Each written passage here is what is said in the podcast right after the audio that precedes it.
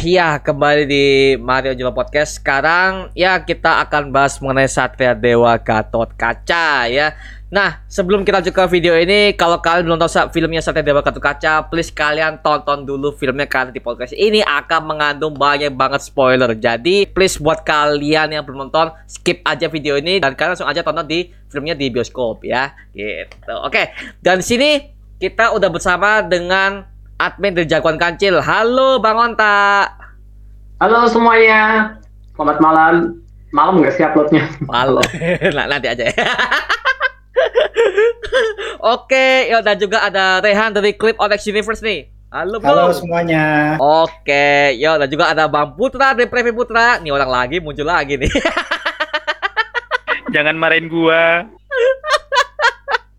Oke, gua mau tanya dulu nih ya, first impression kalian masing-masing nih.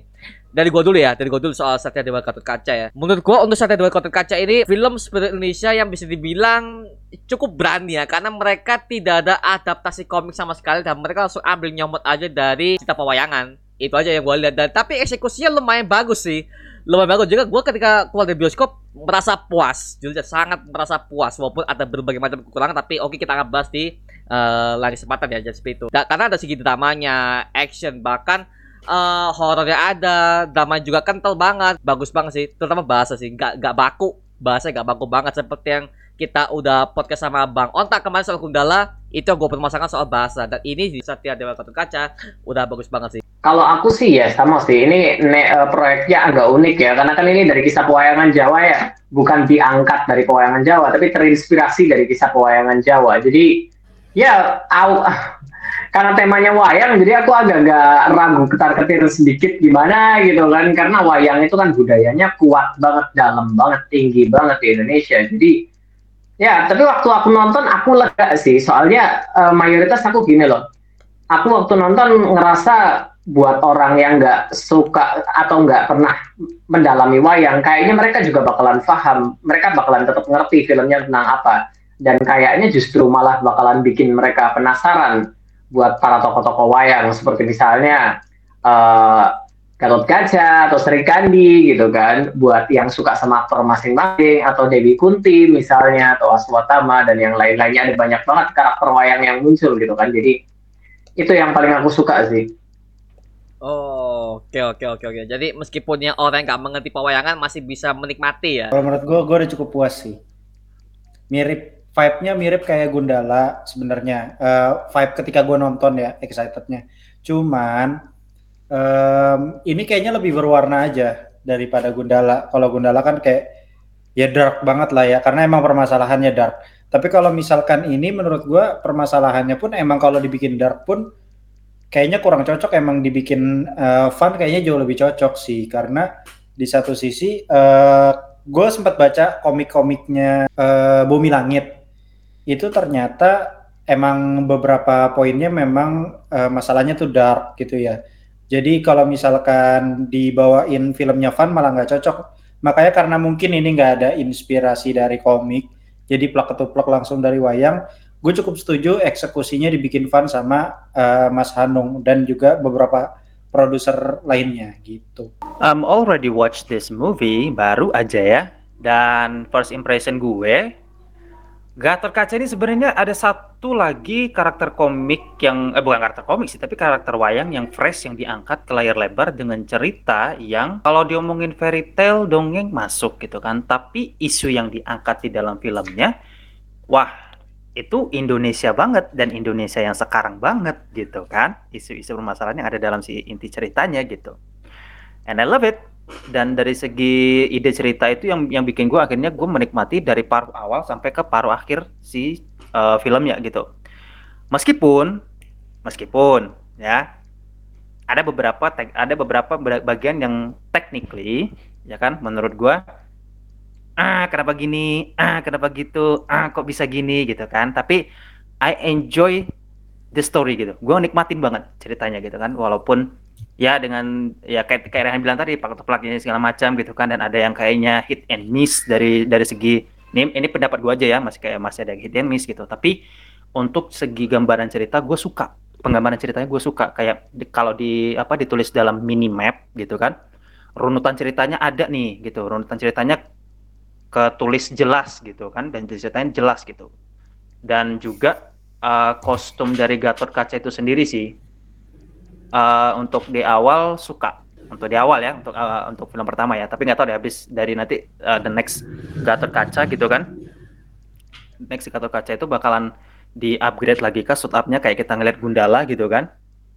Apakah nanti bakal di suit up lagi? Gue berharapnya sih itu di uh, suit up lagi ya. Maksudnya di di ditingkatin lagi sih. Kayak ada perubahan sedikit gitu tapi masih eye catchy gitu.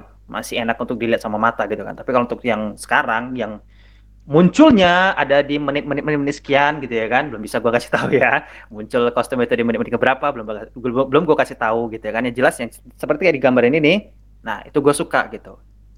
Untuk Hmm. Gatot Kaca dulu ya kita kan ngomong Gatot Kaca ya. Jadi untuk Gat- Gatot Kaca shoot up pertama di film ini gue suka. Secara production design gue suka secara kostum desain juga gue suka. Artefak Braja Mustinya itu gue suka juga desain itu. Goldnya memang bener-bener dapat banget kayak emang bener-bener benda benda zaman dulu bahlak banget yang tercipta dari emas tahap apa gitu ya kan? Nah itu gue suka tuh. Dari bentuk artefaknya gue suka. Makanya dari production design kostum design itu gue suka. Termasuk lokasinya. Lokasi pemilihan eh, apa rumahnya si Yuda waktu kecil gitu kan ya kayak di trailer itu. Sama suasana kota yang sebenarnya nggak perlu ditulis 2021 sih gitu kan. Cuman kayak eh, Astinapura masa kini. Udah gitu. Kita tahu bahwa ini ini kejadiannya ya baru-baru ini gitu kan. Untuk pertama ini suka Hmm, oke oke. Jadi nggak nggak yang mengecewakan banget sampai kan ada berapa pak teman-teman gua tuh yang yang ngomong, wah ini saya dokter kerja kok gua gini ya kok pusing segala macam. Aduh. Nggak tahu lah. Ini eh, mereka mereka katanya juga ini pak. Kalau masalah kalau bicara soal ini ya kekurangannya itu ya di final battle. Tapi itu kita akan bahas ya di di beberapa kalau kita akan bahas kekurangannya. Ya, tapi nanti nanti ini kan tapi, fir- ya. first impression dulu ya. Eh, gua juga mau bahas ini sih soal Aswatama. Ya, Aswatama di sini by the way ya untuk untuk dia Ya, di, ya, ya, di ya. dunia Patala itu gua tahu sih itu itu seremnya dapat sih, mohon maaf. Itu seremnya dapat sih dari make upnya dia rambutnya gondrong sampai segini, jenggotnya segini. Itu itu ngeri loh, Pak. Itu menurut Bang Onta dulu nih yang lebih tahu soal Satya Dewa Gatot Kaca lebih panjang. Menurut Bang Onta Aswatama yang tampil di sini secara full dari dubbingnya sampai ke dia tampil di sini walaupun hanya dalam bentuk dia dibelenggu di dunia patala itu menurut Bang Onta gimana? Kalau dubbing, aku agak bermasalah sih sama bagian dubbingnya sih jujur. Sebenarnya wa- kalau kalau yang eh, siapa putra tadi bilang serahkan Braja Musti itu kan bukan itu ya bukan sosok tapi bilang lebih ya sosok bertopeng ya. Ya, bukan bukan. Ya. Heeh. Kalau sosok bertopeng eh, suaranya dia dengan voice over yang dibuat seperti itu aku masih agak oke sih, masih oke gitu kan. Lagi pula yang ada di film juga suaranya lebih jelas daripada yang ada di trailer. Kita masih bisa dengar suaranya gitu kan artikulasinya.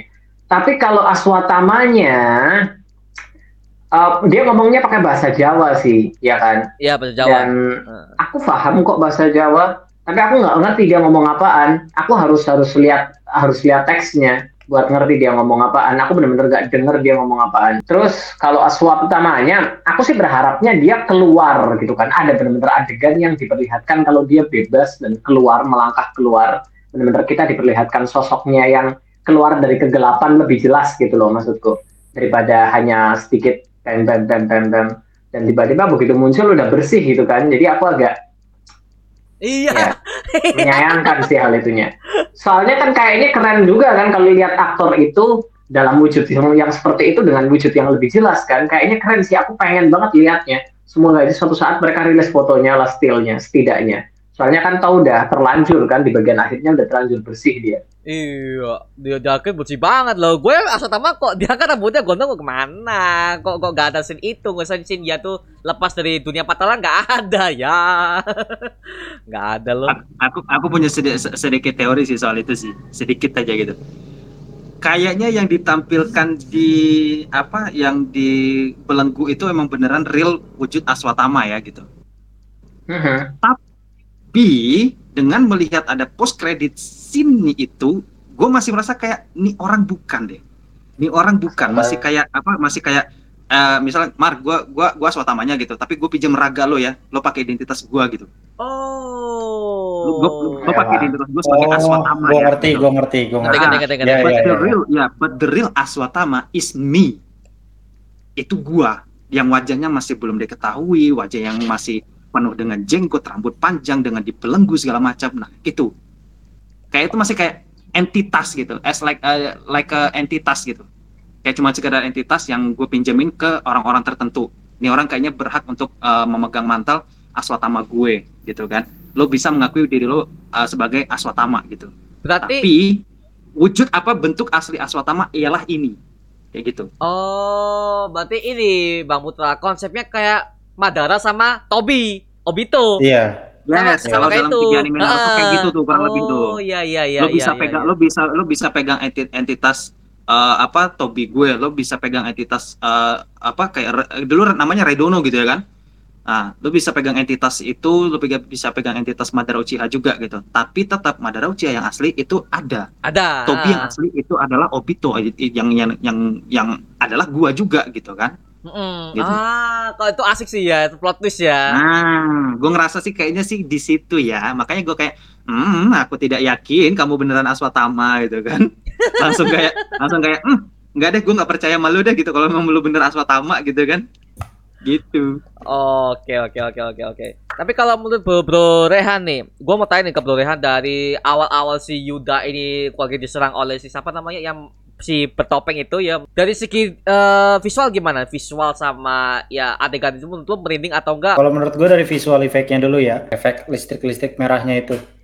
Sebenarnya udah bagus. Bagus. Bahkan menurut gua ada beberapa poin yang kayaknya teksturnya tuh lebih cakep ini daripada Gundala. Cuman ternyata yang gua lihat eh, dari visual efeknya terlalu kayak bercahaya banget gitu, cuy.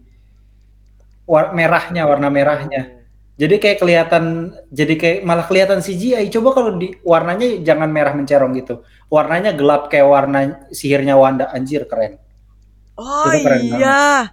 Oh iya kayak ya benar dark magic ya, dark power gitu ya. Oh iya iya iya ya, iya. itu Kak, ini ini yang yang jadi fokusnya adalah kayak color color grading dari si visualnya gitu ya kan, yang kurang Iya. merah bener ya. Ya, Hmm. kalau seandainya mereka mau pakai idenya dari si Wa- WandaVision, eh WandaVision lagi si Wanda gitu kan, dengan apa dark magicnya di Multiverse of Madness, kayaknya lebih masuk ya Han ya. Hmm. Masuk. oh. Sama ini yang adegan itu kan kalau nggak salah adegan yang siang-siang kalau ada kalau nggak salah ada juga kan yang dia pakai listrik merah gitu. Iya iya. iya. Ada ada. Yang ada. ngebunuh Ada. ibunya Yuda itu. heeh. Ya itu kan ada di trailer tuh nggak apa-apa ya bukan spoiler dulu nih. Ya ada Ada ada dong. ada Iya, ada. ada. Trailer udah jelas nyata gitu. Eh, ada adegan kayak gitu kan. Nah menurut gua kalau tone warnanya terang kayak gitu masih cocok. Cuman kalau tone warnanya yang sebelum-sebelumnya yang gelap eh, apa eh, lokasinya gelap terus itunya kayak terang banget gitu kayak kayaknya kurang gitu. Iya, karena salah pemilihan color palette akhirnya CGI-nya jadi kelihatan. Padahal CGI-nya sudah halus. Tapi Pak, walaupun walaupun dengan CGI gitu, tapi kita bisa melihat itu itu sedih loh Pak. Itu itu awal-awal tegang loh. Pak Oh, iya. udah ninggalin keluarga. itu di diserang sama Kurawa itu. Itu anjir, itu sadis loh Pak. Kalau menurut gue sih itu scene dari awal Yuda tuh itu bisa kelihatan dari awal-awal superhero kan biasanya kan kalau untuk origins kan lebih kelam ya. Kalau itu mau dibuat kelam ya. Story bagus sih originnya Yuda tuh bagus banget ngena di hati loh ngena gitu loh menurut Bang Ota nih gue mau tanya nih Bang Ota nih Braja Musti di sini itu gua sampai sekarang tuh nggak tahu ini ini, ini Braja Musti asal usulnya tidak diceritakan sama sekali Braja Musti yang diceritakan hanyalah dari Pandawa sama Kurama doang tapi untuk Braja Musti ini asalnya dari mana ya apakah dari Gatot Kaca doang atau gimana Jadi kalau di cerita wayang, Braja Musti itu omnya Gatot Kaca. Nama orang, omnya. Ada Braja Musti, Braja Denta, ada lima gitu. Lima Panca Braja namanya. Jadi Panca itu kan lima kan ya. iya Jadi Panca Braja, ada Braja Musti, ada Braja Denta, ada Braja tiga lagi, aku lupa namanya. Pokoknya mereka itu eh, kakak-kakaknya Arimbi yang tidak ingin eh, Gatot Kaca jadi pangeran dan raja di kerajaan mereka. Soalnya dia anaknya Arimbi, yang otomatis dia akhirnya menjadi pangeran Gatot Kaca kan. Jadi dia nggak mau para pamannya ini nggak mau kalau eh, anaknya yang dari Bima, para Pandawa, akhirnya menguasai kerajaan Pringgodani. Dia nggak mau. Terus akhirnya, pokoknya ceritanya panjang sih intinya. Mereka berantem dan semuanya kalah oleh Gatot Kaca. Lalu mereka semua apa ya menjelma menjadi menjelma masuk ke dalam diri Gatot Kaca dan akhirnya menjadi menjadi beberapa ajian seperti tinju Braja Musti, tinju Braja Denta dan Braja-Braja yang lainnya semuanya akhirnya jadi ajiannya Gatot Kaca gitu. Dan kalau di budaya Jawa ya, ajian Braja Musti itu memang terkenal dan sering dipakai di dunia-dunia klinik ya. Oh. Waduh. Jadi iya eh, ada banyak yang bahas tentang batu Braja Musti dan segala macam gituan mitos-mitosnya rame. So sebenarnya kalau batu pusaka Braja Musti sendiri ini eh, pemikiran murni dari Satria Dewa Studio sih kayaknya sih. Soalnya di cerita wayang nggak ada nggak ada dalam bentuk pusaka gitu loh. Cuman mereka benar-benar mengkristalkan ajian-ajian itu dalam bentuk pusaka. Jadi sepertinya konsep mereka mungkin ini pusaka peninggalannya Gatot Kaca gitu loh. Oh, oke oke oke. Jadi, jadi se- sejarahnya agak kelam Pak ya. Itu kan ada visual komiknya tuh Pak ya. Kita yang si siapa namanya? Erlangga, Erlangga ng- nyiptain komik Mhm. itu itu itu mohon maaf ya visual komiknya the best. Bagus banget, gak dari mulut lagi-lagi. Ini yang gua salkan ya pada saat di Multiverse of Madness kemarin itu nyertain inclusion aja tuh mulut doang, gak ada scene-nya. Nah, ini gue suka. Saatnya dalam kotak kaca, mereka menjelaskan mengenai perang Barada Yudas ke dulu dengan visual komik. Dan itu 3D animation. Pak Ih, gila. Bagus bagus bagus. Kan kita udah bahas kemarin di MOM kan ada beberapa part yang harusnya divisualin aja. Kan namanya film ya iya kan? film. Nah, nah, jadi teman-teman ya jadi makanya teman-teman yang ini sekarang nih ngeliatin YouTube ini nih kita rewind lagi ya, kita remind lagi gitu. Bahwasannya part-part yang kayak yang ada di siapa? Di scene-nya Satria Dewa Gatot Kaca di mana si siapa? Siapa? Er- Erlangga namanya? Ya Erlangga ya? ha, teman Yuda Nah, si. Erlangga tuh nyeritain nyeritain sejarah dari Pandawa Kurawa itu memang benar-benar ada visualnya gitu. At least kayak tadi kayak visual komik aja udah gitu. Atau mungkin dari si siapa? Dari si eh misalkan sin aku dilahirkan dari segini gini atau mungkin aku berasal aku eh dulunya terlibat konflik dengan ini ini ini ya divisualin gitu kan ini kan film ya bukan novel gitu kan masa kita mau dengar dari apa mau baca dari subtitle doang gitu Hmm, iya karena karena lagi-lagi ini film kita butuh scene-nya gitu loh jadi ah ini bagus banget sih itu sih Aku Ya. sebenarnya itu agak berharap kalau adegan itunya itu visualnya pakai pakai wayang kulit beneran gitu loh. Biar agak-agak sedikit gimana gitu kan. Cuman kayaknya aku paham sih kalau gitu terlalu Jawa sentrik banget ya, terlalu apa? iya Terlalu ngelotok banget wayangnya. Mungkin itu pilihan mereka Itu biar bisa. agak sedikit itu nuansa. bisa It- Tapi Itu setidaknya bisa. kalau komik itu kan agak nuansa superhero-nya lebih kental gitu kan dengan komik. Jadi ada sisi-sisi itunya nggak terlalu wayang banget. Cuman aku berharapnya itu sih dengan wayang-wayang kulit kayaknya keren banget gitu kan. itu it- itu Iya. bisa itu bisa entah itu bisa itu bisa tapi nanti mungkin bukan di sini kita ngelihatnya ya mungkin Amin, ada- amin Ah. suatu saat ya. karena abis ini kan nanti bakal ada Nakula Sadewa juga ada Sri Kandi Oh nggak ada nggak ada. Nakula Sadewa. Ar- Oh, Arjuna, ada. Arjuna. di di karakternya ada Udah ada dihapus yang versi baru udah nggak ada Nakula Sadewa. Ya. Oh, udah nggak ada ya?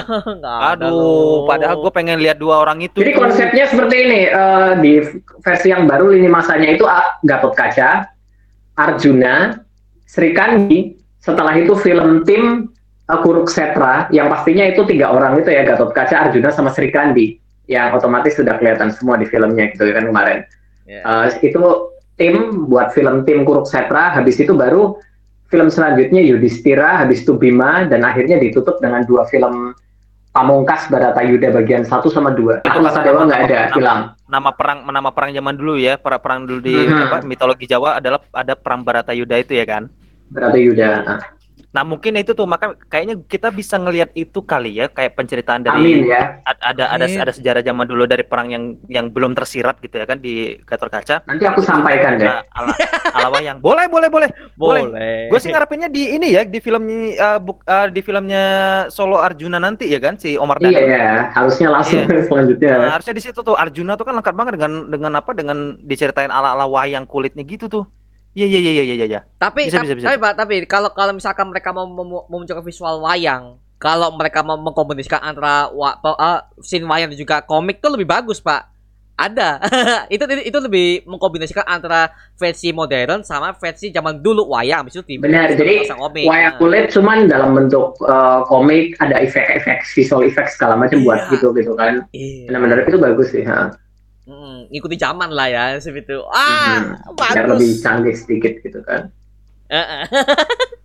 Gitu. Oke, lanjut, Pak. Tapi kalau menurut gua ya dari segi peperangan Barata itu kita bisa tahu ya bahwa ternyata si Aswatama di sini di mana dia itu ternyata bukan Pandawa, bukan Kurawa juga. Jadi sebenarnya gua agak miss nih di sini nih, Mbak. Pandawa itu kan eh, bagian dari itu ya lima anak Pandu ya Pandawa. Sementara eh, kalau kalau Kurawa itu kan dari 100 Kurawa, anaknya Destarastra. Jadi kalau film Satria Dewa Gatot Kaca ini kan menceritakan tentang keturunan kan. Iya. Ya, jadi eh, orang-orang yang disebut sebagai Pandawa di sini adalah keturunan dari lima Pandawa. Keturunan dari Bima, Arjuna, Yudhistira, Nakula, Sadewa, keturunan dari mereka semua. Sementara eh, buat para Kurawa ya keturunan dari 100 Kurawa itu kan. Kalau Aswatama ini sebenarnya dia itu adalah anak dari Resi Durna. Eh, Resi Durna ini adalah guru dari Pandawa dan Kurawa. Jadi Pandawa dan Kurawa itu kan apa ya sepupuan kan mereka Ah. bapaknya mereka berdua itu kakak adik gitu kan si Pandu sama Destarastra itu kakak adik nah jadi si Resi Durna ini diambil sama mereka untuk disuruh mengajarkan mereka ilmu-ilmu peperangan buat para calon-calon pangeran ini gitu kan dan di situlah akhirnya mulai terjadi sengketa antara anaknya Destarastra yaitu Kurawa dan anaknya Pandu yaitu Pandawa. Mereka mulai cekcok kan. Dan akhirnya Resi Durna mendukung kelompok dari Kurawa. Karena Aswatama itu anaknya Resi Durna, Aswatama ngikut bapaknya begitu. Tapi ya Aswatama ini lumayan tragis sih ceritanya. Dia itu kalau di wayang ya. Iya. Sebenarnya dia ini kalau sakit hati wajar banget sih. Maksudku jadi zaman dulu eh, semu Resi Durna itu bisa dibilang salah satu kunci kuat dari kelompoknya Kurawa. Makanya Pandawa ini eh, berpikir keras gimana caranya menyingkirkan Resi Durna waktu itu. Akhirnya mereka pakai cara tipuan. Cara tipuannya adalah dengan menyebarkan hoax kalau Aswatama itu mati. Jadi ada seekor gajah yang dikasih nama sebagai Aswatama dan gajah ini mati. Lalu mereka ribut, Aswatama mati, Aswatama mati. Resi Durna otomatis shock, dia hancur gitu kan. Terus dia tanya ke Yudhistira, orang yang dibilang paling putih gitu kan. Eh, Yudhistira Pandawa yang tertua gitu kan, kakaknya Arjuna dan kakaknya Bima. Dan dia tanya, apa benar Aswatama itu mati? Salah satu sumber mengatakan Yudhistira bilang, iya Aswatama mati dengan suara keras. Tapi lalu dia menambahkan dengan suara lirih, tapi bukan Aswatama anakmu, tapi Aswatama gajah.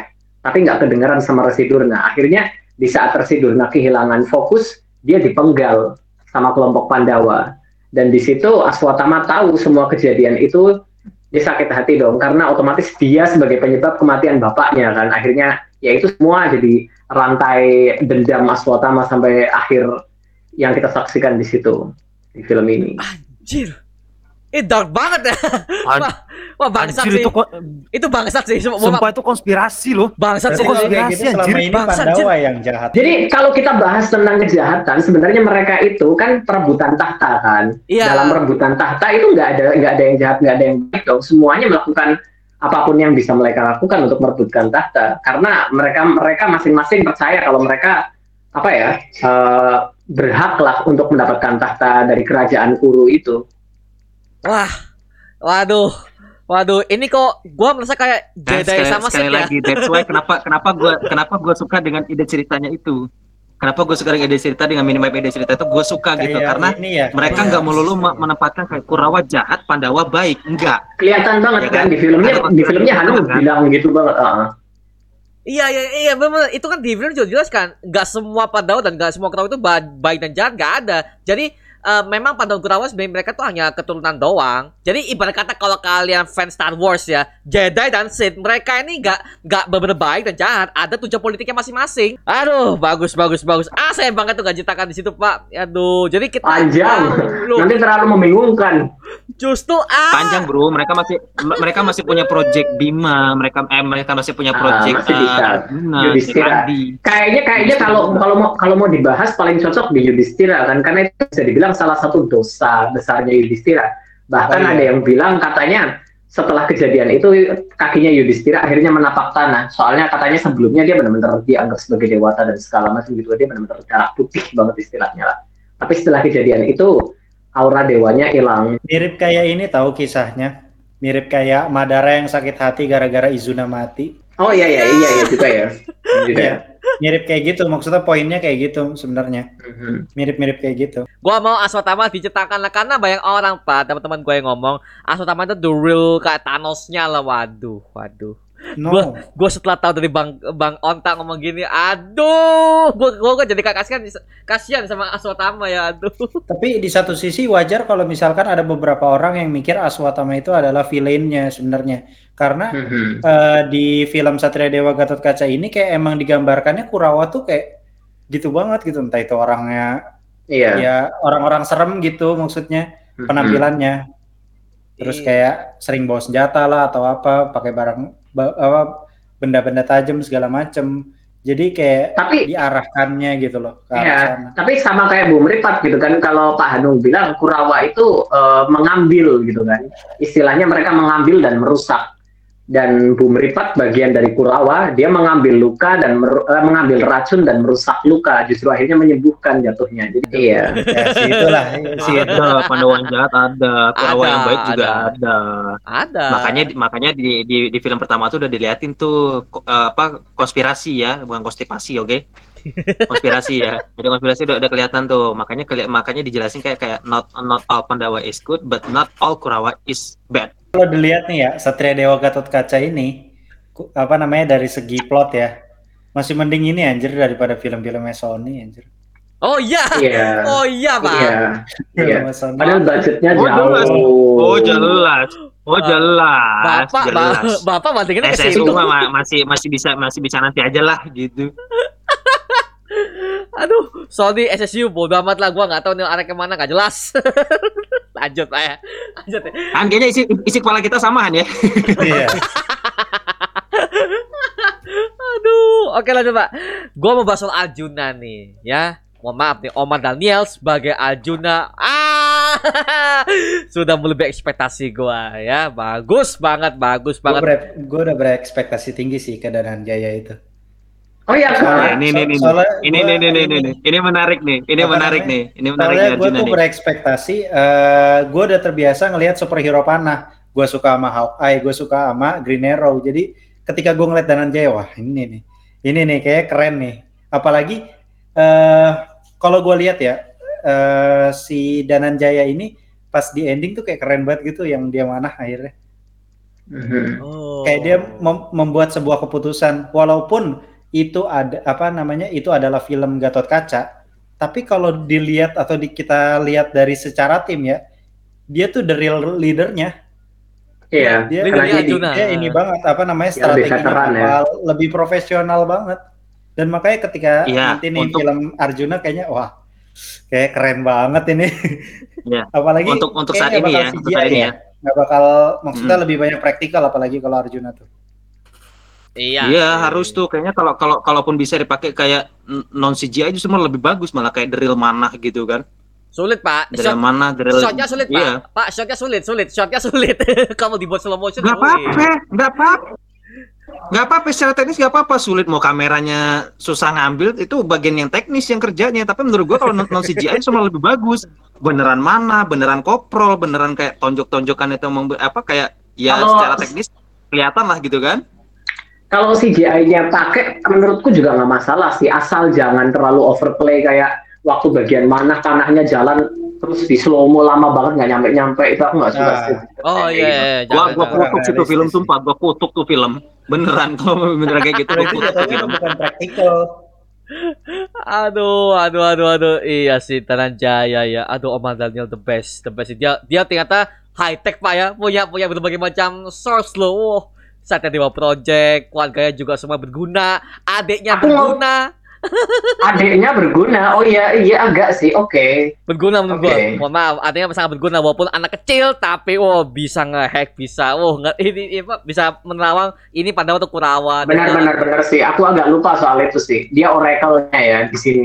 Oracle-nya, iya dia oracle di sini. Ya, Berguna, Ya, ya, berguna ya, ya. banget. he's Anak the oracle. biasanya biasa biasanya kalau film Indonesia anak kecil untuk peran seperti itu gak guna semuanya gak guna tapi di sini dibuat berguna itu yang gue Yes. suka Untuk Ali Fikri ya sebenarnya gini, Danan Jaya, aku ngobrol sama banyak orang yang nonton sama aku ya, mayoritas dari mereka bilang suka banget sama Danan Jaya.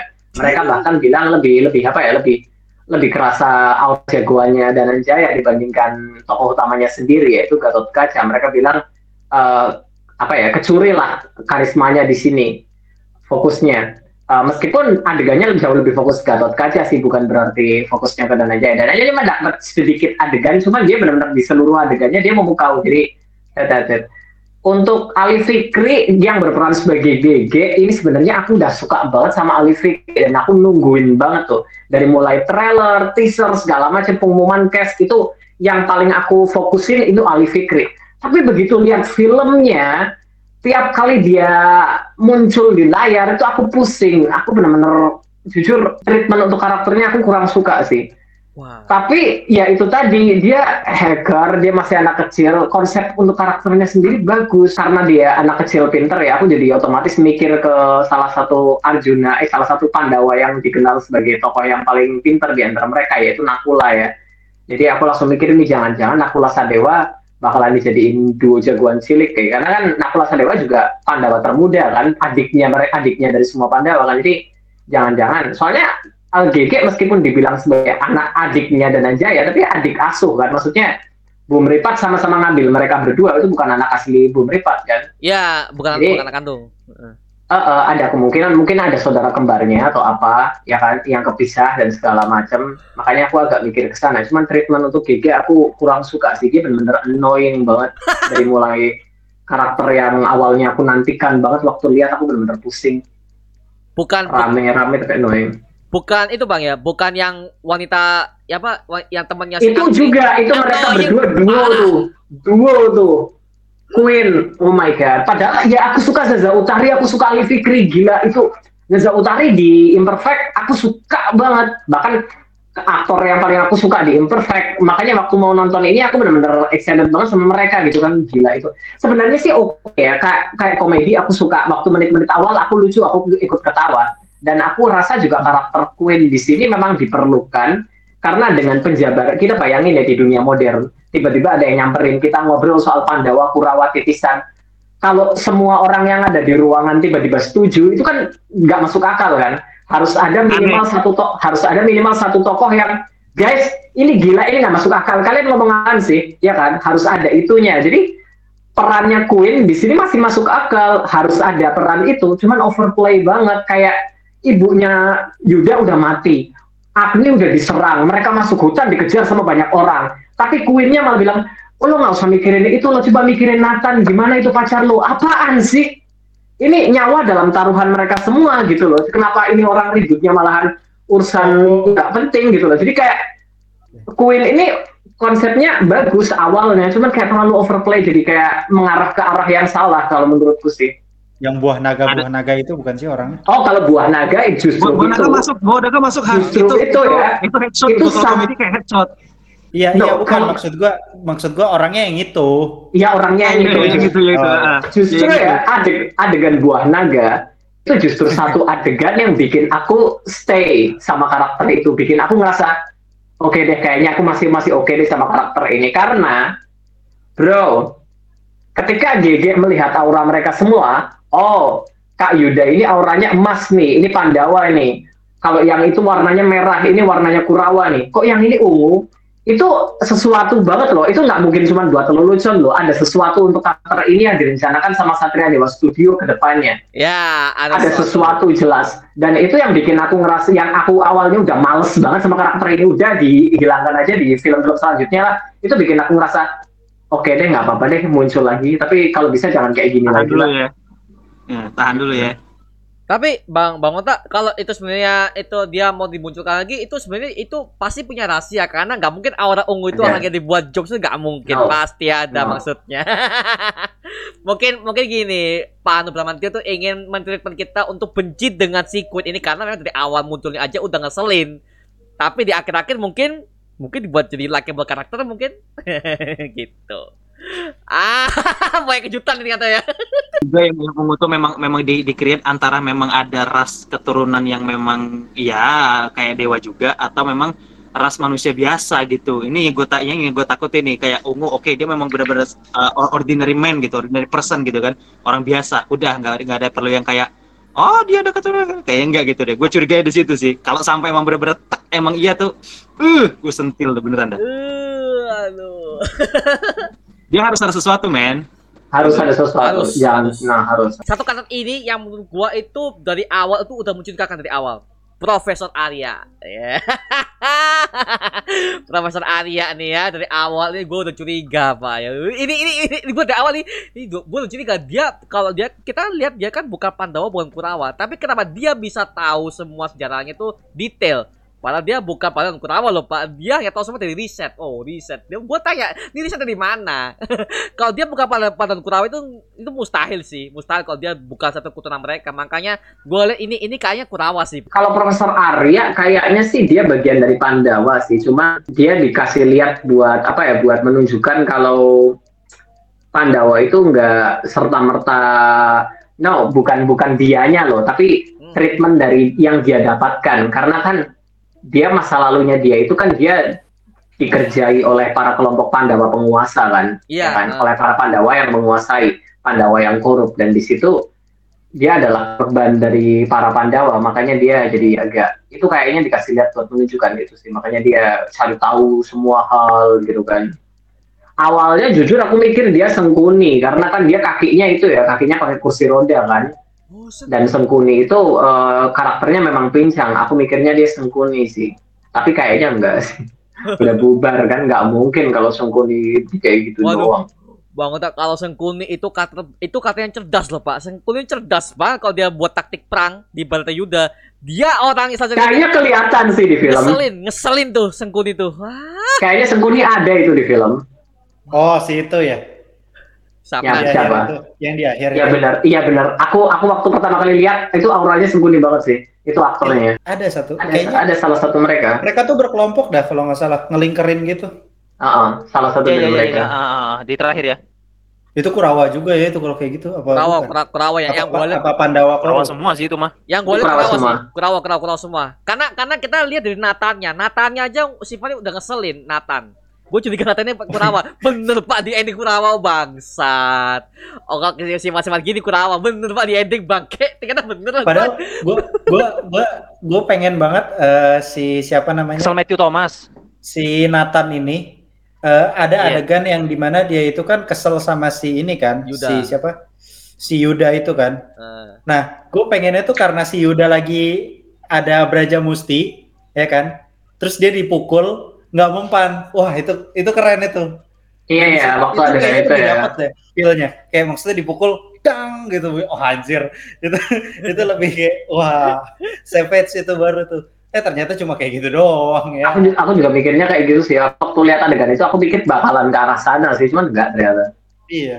Soalnya Aduh. pas banget kan emang pas banget dia lagi ada Braja Musti itu.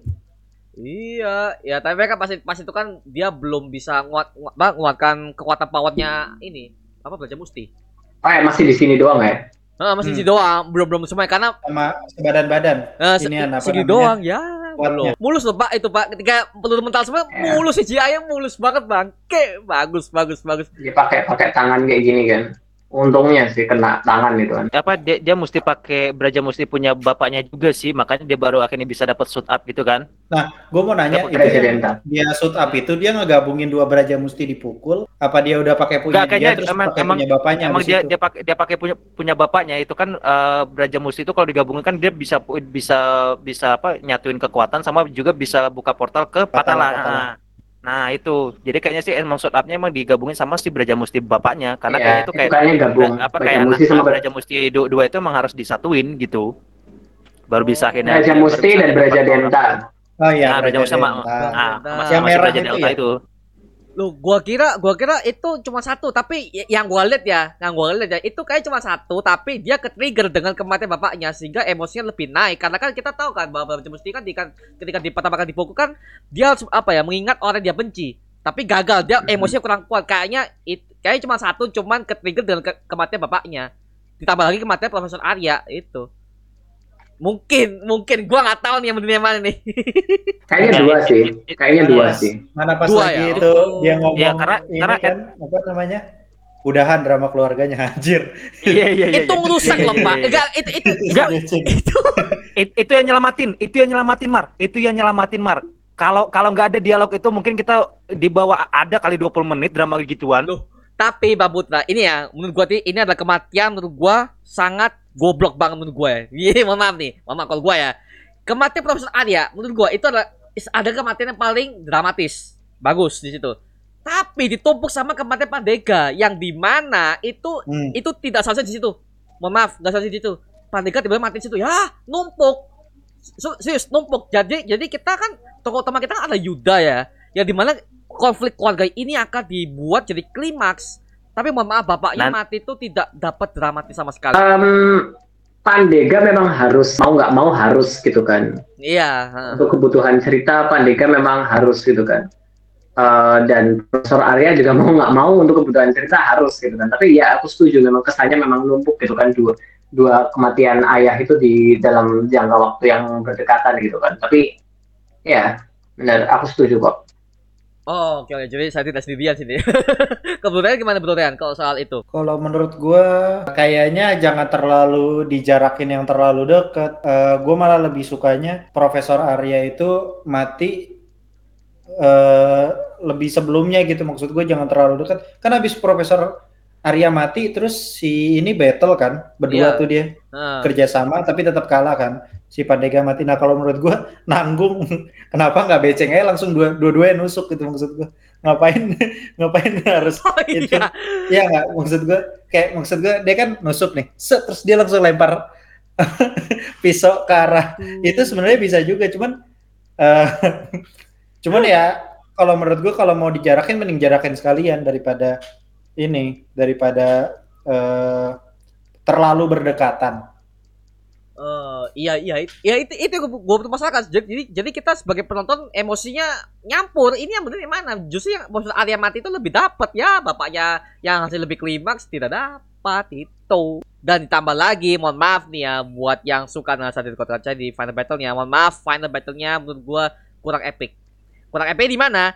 Si beceng yang ternyata pakai suit itu pak bukan Aswatama. Gua kira itu yang pakai itu adalah Aswatama jadi kesannya Big Boss villain itu adalah Aswatama yang dia dia pakai suitnya. Ketuk kaca kan nama Aswatama. Ternyata si Beceng Pak ya pakai Pak. Itu Jadi itu beceng di situ ternyata jadi Dursala. Kan di situ bilang kan, ini adalah pusaka Dursala. Si siapa Profesor Arya yang bertopeng itu kasih beceng pusaka Dursala ya.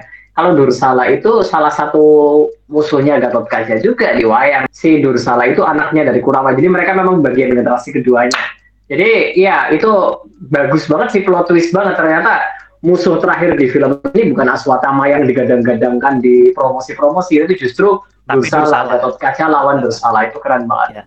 Apakah nanti kita Halo? bakal melihat ada ada Duryodhana juga? ah, Oh harus dong, itu harus Iya dong, dong, wajib harus. banget, wajib banget dong. Itu sih paling de- itu adalah si licik yang paling bericik itu. Nggak Wah. boleh nggak ada itu Oke. Duryodhana. kita sambut dulu Bang Jafar dari nonton dulu. Halo Bang Jafar. Sorry ya, baru join nih habis pulang kerja. Ini apa bernapas dulu Bang. habis habis habis pulang kerja ya. Capek. Dan macet pula lagi kan. Aduh, sorry ya, Mario. apa apa apa ya namanya pulang kerja ya capek. Sekarang yang di, yang, yang di kepala gua siapa yang akan memainkan eh, karakter Duryodhana? Siapa coba, ayo, siapa penasaran aku? Aku dari dulu bikin fancast susah banget tuh buat Duryodhana. Oh, aku mengharapkan Abimana, tapi aku kayaknya lebih cocok juga ke Reza Rardian sih. Aduh. Kalau Reza Radian aku setuju, tapi kalau untuk Abimana aku kayaknya nggak setuju sih. Bukan bukan berarti karena dia orang bumi langit ya, cuman eh, Abimana itu nggak sekedar hanya di bumi langit, dia sebagai Iron Man-nya bumi langit gitu loh, ibaratnya kan. iya iya iya iya. Ah, Kalau dia makanya- tiba-tiba jadi musuh yang dikalahkan oleh jagoan sebelah, aku nggak mikir itu kayak bakalan bakalan dibolehkan sih. Kurang sih. Karena makanya karena makanya itu satu sisi kontrak. satu sisi mikirnya ah, ah, satu, satu sisi mikirnya aku aku mikir Reza Radian oke tapi eh Abimana secara face ya kan secara kayak looksnya itu juga bisa untuk memegang mantel si Duryodhana gitu kan Ah. tapi kayaknya sih Re- Reza Radian boleh deh kayaknya ya Tapi Duryodhana kayaknya juga masih jauh juga sih. Wah, ini Reza Raden udah di lock kayaknya sih. Ya udah di lock. Kan udah diumumkan kan, udah diumumkan. ya, Bukan, dengan belum lah. pewayangan ini. Udah. Udah, he. Waktu dulu Oh, kan iya, pengumuman udah, oh, udah. eh, Bumi Langit kan waktu itu mengumumkan Jeffrey Nicole, Reza Rahadian, Bumi Langit bukan bukan Satria Dewa. Bumi Langit iya, waktu itu iya, kan iya, Langit itu kan ya, semuanya. ya. Di Agak susah sih kalau- berbeda universe agak susah ya untuk nanti mereka untuk locknya. Menurutku bisa, apalagi kalau kalau dari bocoran-bocoran yang kita dengar tentang peran Reza Rahadian di sana, bisa kok. Menurutku bisa kok. Untuk dia masuk ke universe-universe lain bisa. Ada persamaan dari di film Gundala sama Gundala Bumi Langit sama film Satria Dewa ini ya. Mereka sama-sama satu mengeluarkan satu film dulu dan itu akan apa mereka menyaji menyajikan beberapa eh, peran lagi, karakter lagi yang akan mungkin dimainkan di filmnya itu kan ada tokoh-tokoh ya ibu ada Sri Kandi, ada Dananjaya, terus juga ada apa namanya ada Mustika yang Dananjaya akan mungkin next akan dipakai sama Dananjaya yang dikasih sama Bung Pri, Bu, Bung Pripat, tapi Dananjaya tolak eh, Mustika itu. Nah itu kenapa tuh alasannya juga kita belum tahu Ya, tuh. kayaknya memang. Oh. Ya kayaknya memang ini banyak disiap banyak banyak apa ya banyak pembangunan cerita lah di situ buat universe-nya. Iya. Pondasinya memang mereka ba- iya kesamaan Gundala sama Gatot Kaca mereka banyak membangun pondasi universe-nya ya. Jadi Iya. memang agak berat untuk kedua film pertama ini sih. Mm-mm. Kalau semoga saja di film kedua uh, lebih fokus untuk karakter masing-masing ya. Setidaknya kan pondasinya kan udah udah itu semua. Itu harapanku sih. Dan persamaannya juga kan kalau di film Gundala itu Sri Asih yang tiba-tiba muncul itu kan sudah sudah menjadi Sri Asih eh, dengan Hmm. eh, tab karakternya gitu. Dengan dengan di film ini juga Satria Dewa juga Arjuna ini udah mulai eh, apa namanya eh, memainkan skill panahnya walaupun mungkin belum belum maksimal lah Belum dengan belum dapat pusaka ya. dengan pakai armor yang sudah di konsep artkan gitu kan di Satria Dewa itu. Dia belum dapat pusaka lah intinya. Cuman masing-masing kayak Sri Asih sama Dananjaya di film ini juga memang mereka udah veteran lah ya istilahnya. Udah. Udah, jadi jagoan duluan. Udah jadi jagoan duluan, tapi udah lebih satu langkah lebih awal duluan. Oh, waduh, ini kita tunggu aja. Eh, gue mau ya. nanya soal yang Dananjaya ataupun Arjuna itu, dia pusakanya sama kayak Gatot Kaca apa gimana? Enggak maksudnya eh eh, super powernya ya, kekebalannya, Oh. entah itu eh, kebal peluru ke atau apa ke? Oh enggak dong kalau kebal peluru memang otot kawat tulang besi itu Gatot Kaca kan maksudku kan. Jadi ya jadi kayaknya Dananjaya nggak kayak gitu juga sih. Harusnya ya. Jangan Eh, setelah sih. dapat pusaka, jadi dia punya kekuatan yang lain lagi Apa ya? gitu. Dia bilang kematiannya Pandega sama kematiannya Profesor Arya itu terjadi secara berurutan dalam waktu yang berdekatan. Hmm. Gitu. Meskipun kayaknya sih kalau dari segi cerita memang harus mereka harus mati sih. Cuman ya enggak sih. Cuman menurut kau gimana tuh? Oh, oke. Menurutnya maksudnya eh, penilaiannya ya? Ah, ah, kan berurutan banget gitu kan. Kerasa itu nggak sih bikin kematiannya jadi agak murah gitu loh. Maksudku bukan ya kan maksudku kan jadi karena habis ini mati, habis ini mati lagi jadi kesan kita nggak ngasih waktu buat sedih atau apa gitu kan. Iya, itu memang eh, menurut pribadi sih, menurut saya pribadi sih memang eh, terlalu cepat sih. Itu memang dipadetin Mas Hanung kayaknya dia bikin bikin plot ini memang padat juga sih, ya, agak padat. Jadi habis si siapa Pandega mati terus si siapa si eh, Arya mati nih. Tanpa kita tahu juga nih penjelasan eh, kenapa sih si Agni itu dirantai anaknya sendiri dirantai Iya, gitu. Itu aku bingung. Iya. Pakai baju putih gaun gitu. Disiapin Agak gitu, anjir. disiapin gitu, kira gue pakai dipaksa baju putih agak Sultan. rawan-rawan basah-basah gitu kan. Iya, aku Iya, kira, aku banyak kira komen ada yang- gue berasa yang lihat komen gue juga. berasa kayak lihat video klip gua sama gue berasa kayak lihat video klip musiknya Dewa loh Dewa 19 serius Oh bener, bener auranya bener ya. kayak, ah, Kayak gue video klipnya Dewa 19 gitu kan Walaupun walaupun sebenarnya di akhir kita juga eh, saya ngobrol sama eh, Fahmi jagoan kancil bahwa memang sebenarnya itu mungkin diambil dari beberapa partnya eh, si Dewi Kunti itu eh, ada part seperti itu ya Mi ya. Memakai kayak gaun putih gitu terus kayak ya nggak sih Mi? Di Mahabharata itu ya di si Iya, Mahabharata jadi- itu ya. Mungkin beberapa part Mas Anung ambil itu. Cuman bagi orang awam nih jadi ini ternyata eh, hallnya jadi eh ini kenapa nih? Agni diapain nih? Terus eh, apa namanya eh, itu adegan yang agak kurang tuh. Maksudnya itu terlalu terlalu terlalu terlalu jaraknya terlalu terlalu kita belum bisa mahamin tuh Agni kenapa diikat seperti itu? Terus eh, untuk dikorbankan atau diisep di Saripati jiwanya diambil untuk si Aswatama atau gimana kita belum tahu tuh. Keburu mati duluan soalnya tuh, keburu cepet tuh. Iya, jadi untuk untuk Agni ya, eh, aku sebenarnya punya sedikit teori sih. Tapi tapi kan kita nggak tahu ya maksud di filmnya itu apa. Jadi ini hanya teoriku doang. Kalau dipikir memang membingungkan bagian itu ketika Agni diikat tujuannya buat apa kita nggak dijelaskan sama sekali. Aku Iya. juga bingung. Perasaan seingatku aku nggak nge-skip apa pun gitu loh. Eh, tapi Sama, di- sama. Iya kan? Tapi setelah di dropping name di akhir filmnya, kalau Agni itu dipanggil sebagai Dewi Kunti, Iya. aku jadi ngerasa kayaknya ada sesuatu yang memang dilakukan sama Profesor Arya di sana. Cuman ya karena nggak dijelaskan di film, aku jadi berpikir-berpikir teori sendiri kan. Kalau Dewi Kunti itu kan ibu dari kelima Pandawa kan. Jadi dia pusatnya yang melahirkan kelima Pandawa, yang melahirkan Arjuna, Pan- Bima dan segala macam. Jadi aku Iya. ngerasa, mu- uh, uh, jadi aku ngerasa mungkin ada sesuatu dengan dia. Bukan berarti dalam rahimnya dia akan melahirkan Pandawa. Soalnya. Arjuna udah lahir duluan tuh. Iya, enggak enggak mungkin, enggak mungkin sih. Gua rasa sih itu emang, emang kayak bener, kayak- bener kayak garis keturunan yang yang di, yang udah diceritain gak sih? Kayak si Yuda emang dia garis keturunannya dia gatot kaca gitu kan. Ya, ya aku ngerasa sih Mas Hanung itu ngotot banget ngejelasin kalau ini itu tentang garis keturunan dan segala macam. Tapi kayaknya ada beberapa dari mereka yang merupakan titisan.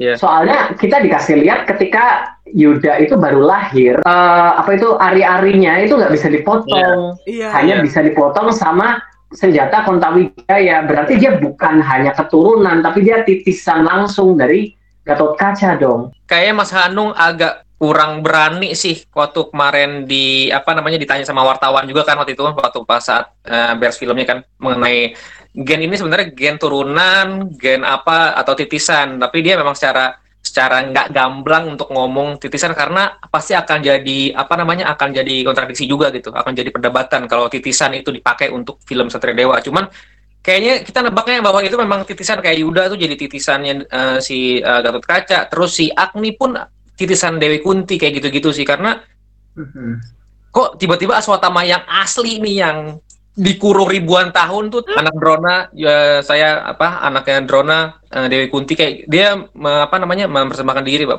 mengenalkan diri sama Dewi Kunti yang titisan ini gitu gitu karena Agni juga "Hah? Aswatama kayak gitu kan Gua gua mikirnya kayak si Aswatama itu kayaknya sih emang bener-bener kayak ah, bener-beneran ada tapi dikasih mantelnya ke orang lain gitu.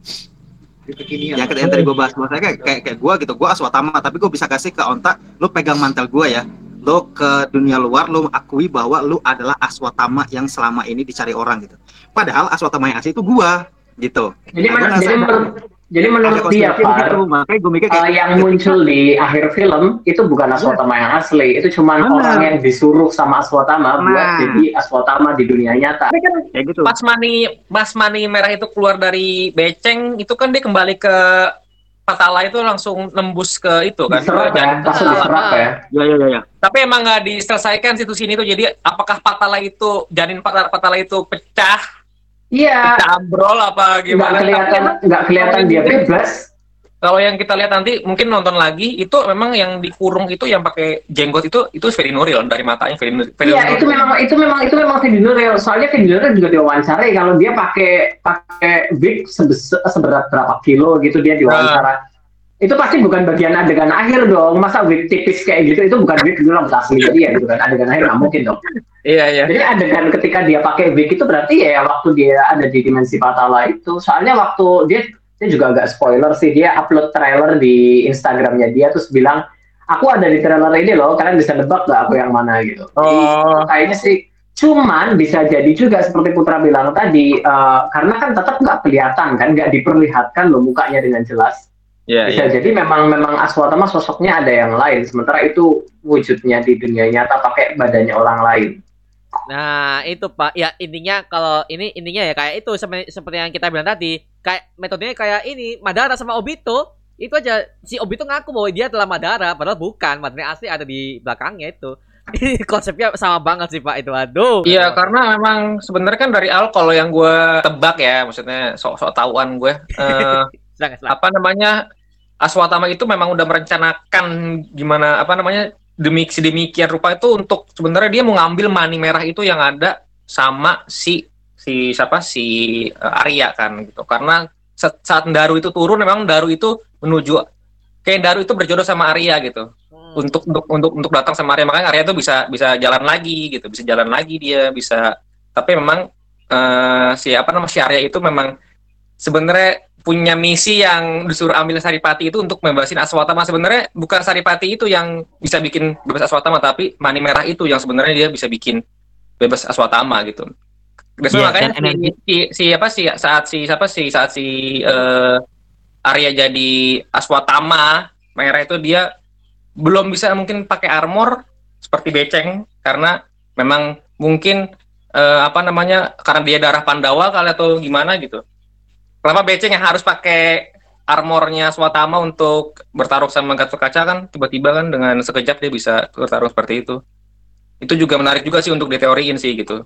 Tapi kan dengan cepatnya kan pas saat beceng itu kehilangan maninya langsung mani itu ter- langsung tertuju kayak dia mencari tuannya langsung ke janin patala dan langsung kayak ngancurin ya mungkin kayak nger tapi itu itu scene yang belum selesai sih maksudnya gitu Iya. tebakan juga Hmm. itu oke Jadi sih kalau di cerita gini loh, kalau di cerita wayang ya, Aswatama itu dikasih dua kutukan. Yang pertama, eh, mani merah yang ada di jidatnya itu diambil satu. Yang kedua, dia dikurung di dalam dimensi Patala selama eh, ribuan tahun. Oh ya, kutukan ketiga dia dibikin hidup abadi, nggak mati-mati.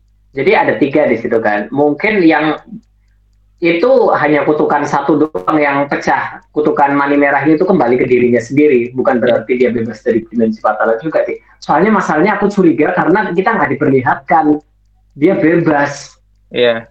Iya. dan mani merahnya nggak ada ya saat dia pakai baju putih Ya, eh, jangan soalnya kan kita diperlihatkan menyerap kan. Makanya kok tiba-tiba uh, Fedi Nuril udah muncul dengan bersih dengan nggak pakai wig dan segala macam. Aku agak curiga sih jangan-jangan itu memang bukan sih. Aswatamanya jangan-jangan memang belum bebas. Jangan-jangan ada satu hal atau dua hal lain yang harus dipatahkan untuk mematahkan kutukan itu sih. Jadi kita sepakat bahwa Aswatama masih dikekang ya, masih Ya. dikerangkeng.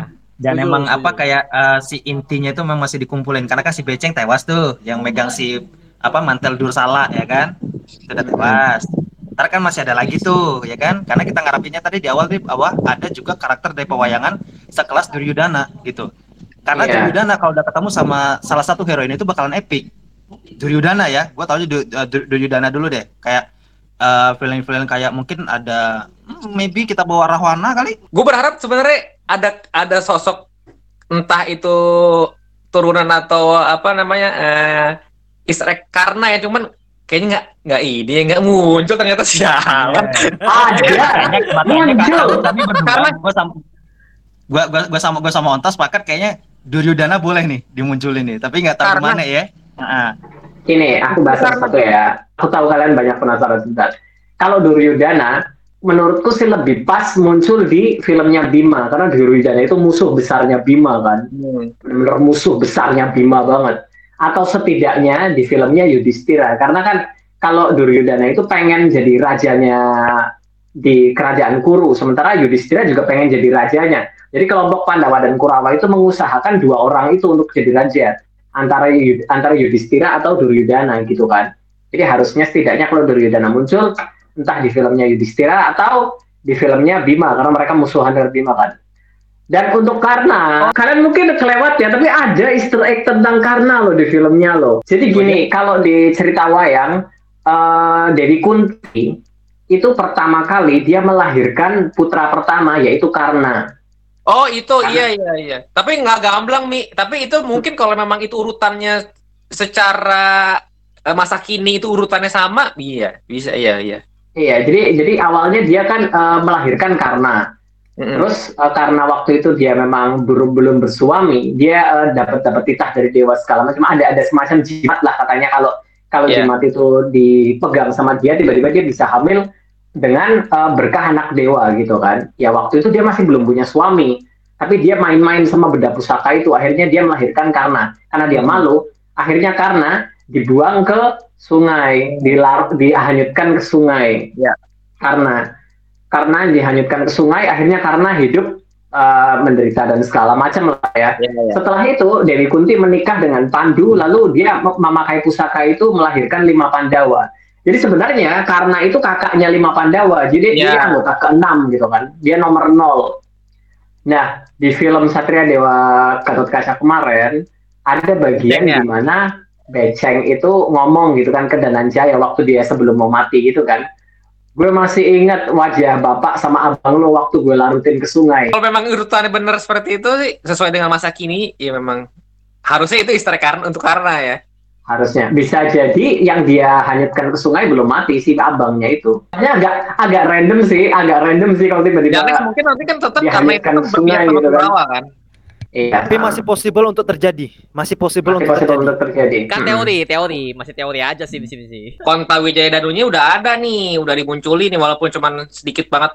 Kan pamerannya tuh yang dipamerin kan itu Konta Wijaya Danu, Konta Wijaya Danu dulu kan di apa namanya event-event Iya. Gatot Kaca segala macam.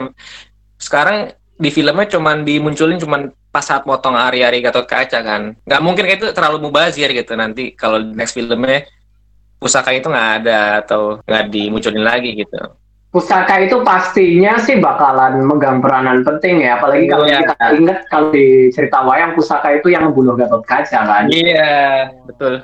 Sangat sangat penting pusaka itu. Tidak boleh tidak dimu- dimunculkan. Jadi pokoknya waktu itu kan eh, Kontawi Jaya Danu ini diturunkan dewa untuk memotong ari-ari Gatot Kaca.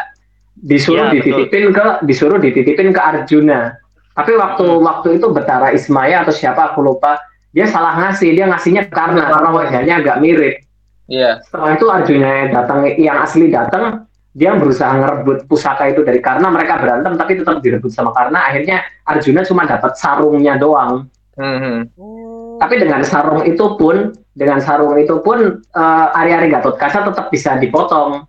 Tapi setelah ari-ari Gatot Kaca dipotong, sarungnya itu masuk ke badannya Gatot Kaca langsung. Dan karmanya senjata itu otomatis bakalan masuk ke sarungnya kembali. Karena sarungnya ini ada di badan Gatot Kaca, ketika karena melepaskan panahnya, otomatis panahnya masuk ke sarungnya. Jadi menembus badan Gatot Kaca yang bikin dia mati. Jadi kayak gitu kalau diceritanya. Jadi ya kryptonetnya Gatot Kaca itu satu gitu sih. Iya. Iya, benar-benar. Waktu scene-nya Arya datang ke rumah sakit itu pakai sarung ya? Aku masih pengen nonton lagi sih. Aku Iya. kurang kurang perhatiin bagian itu Gua sih. mau tiga kali deh. Aku bagian itu kayak kurang perhatiin sih. Anak panah yang dikasih Profesor Arya itu namanya apa sih?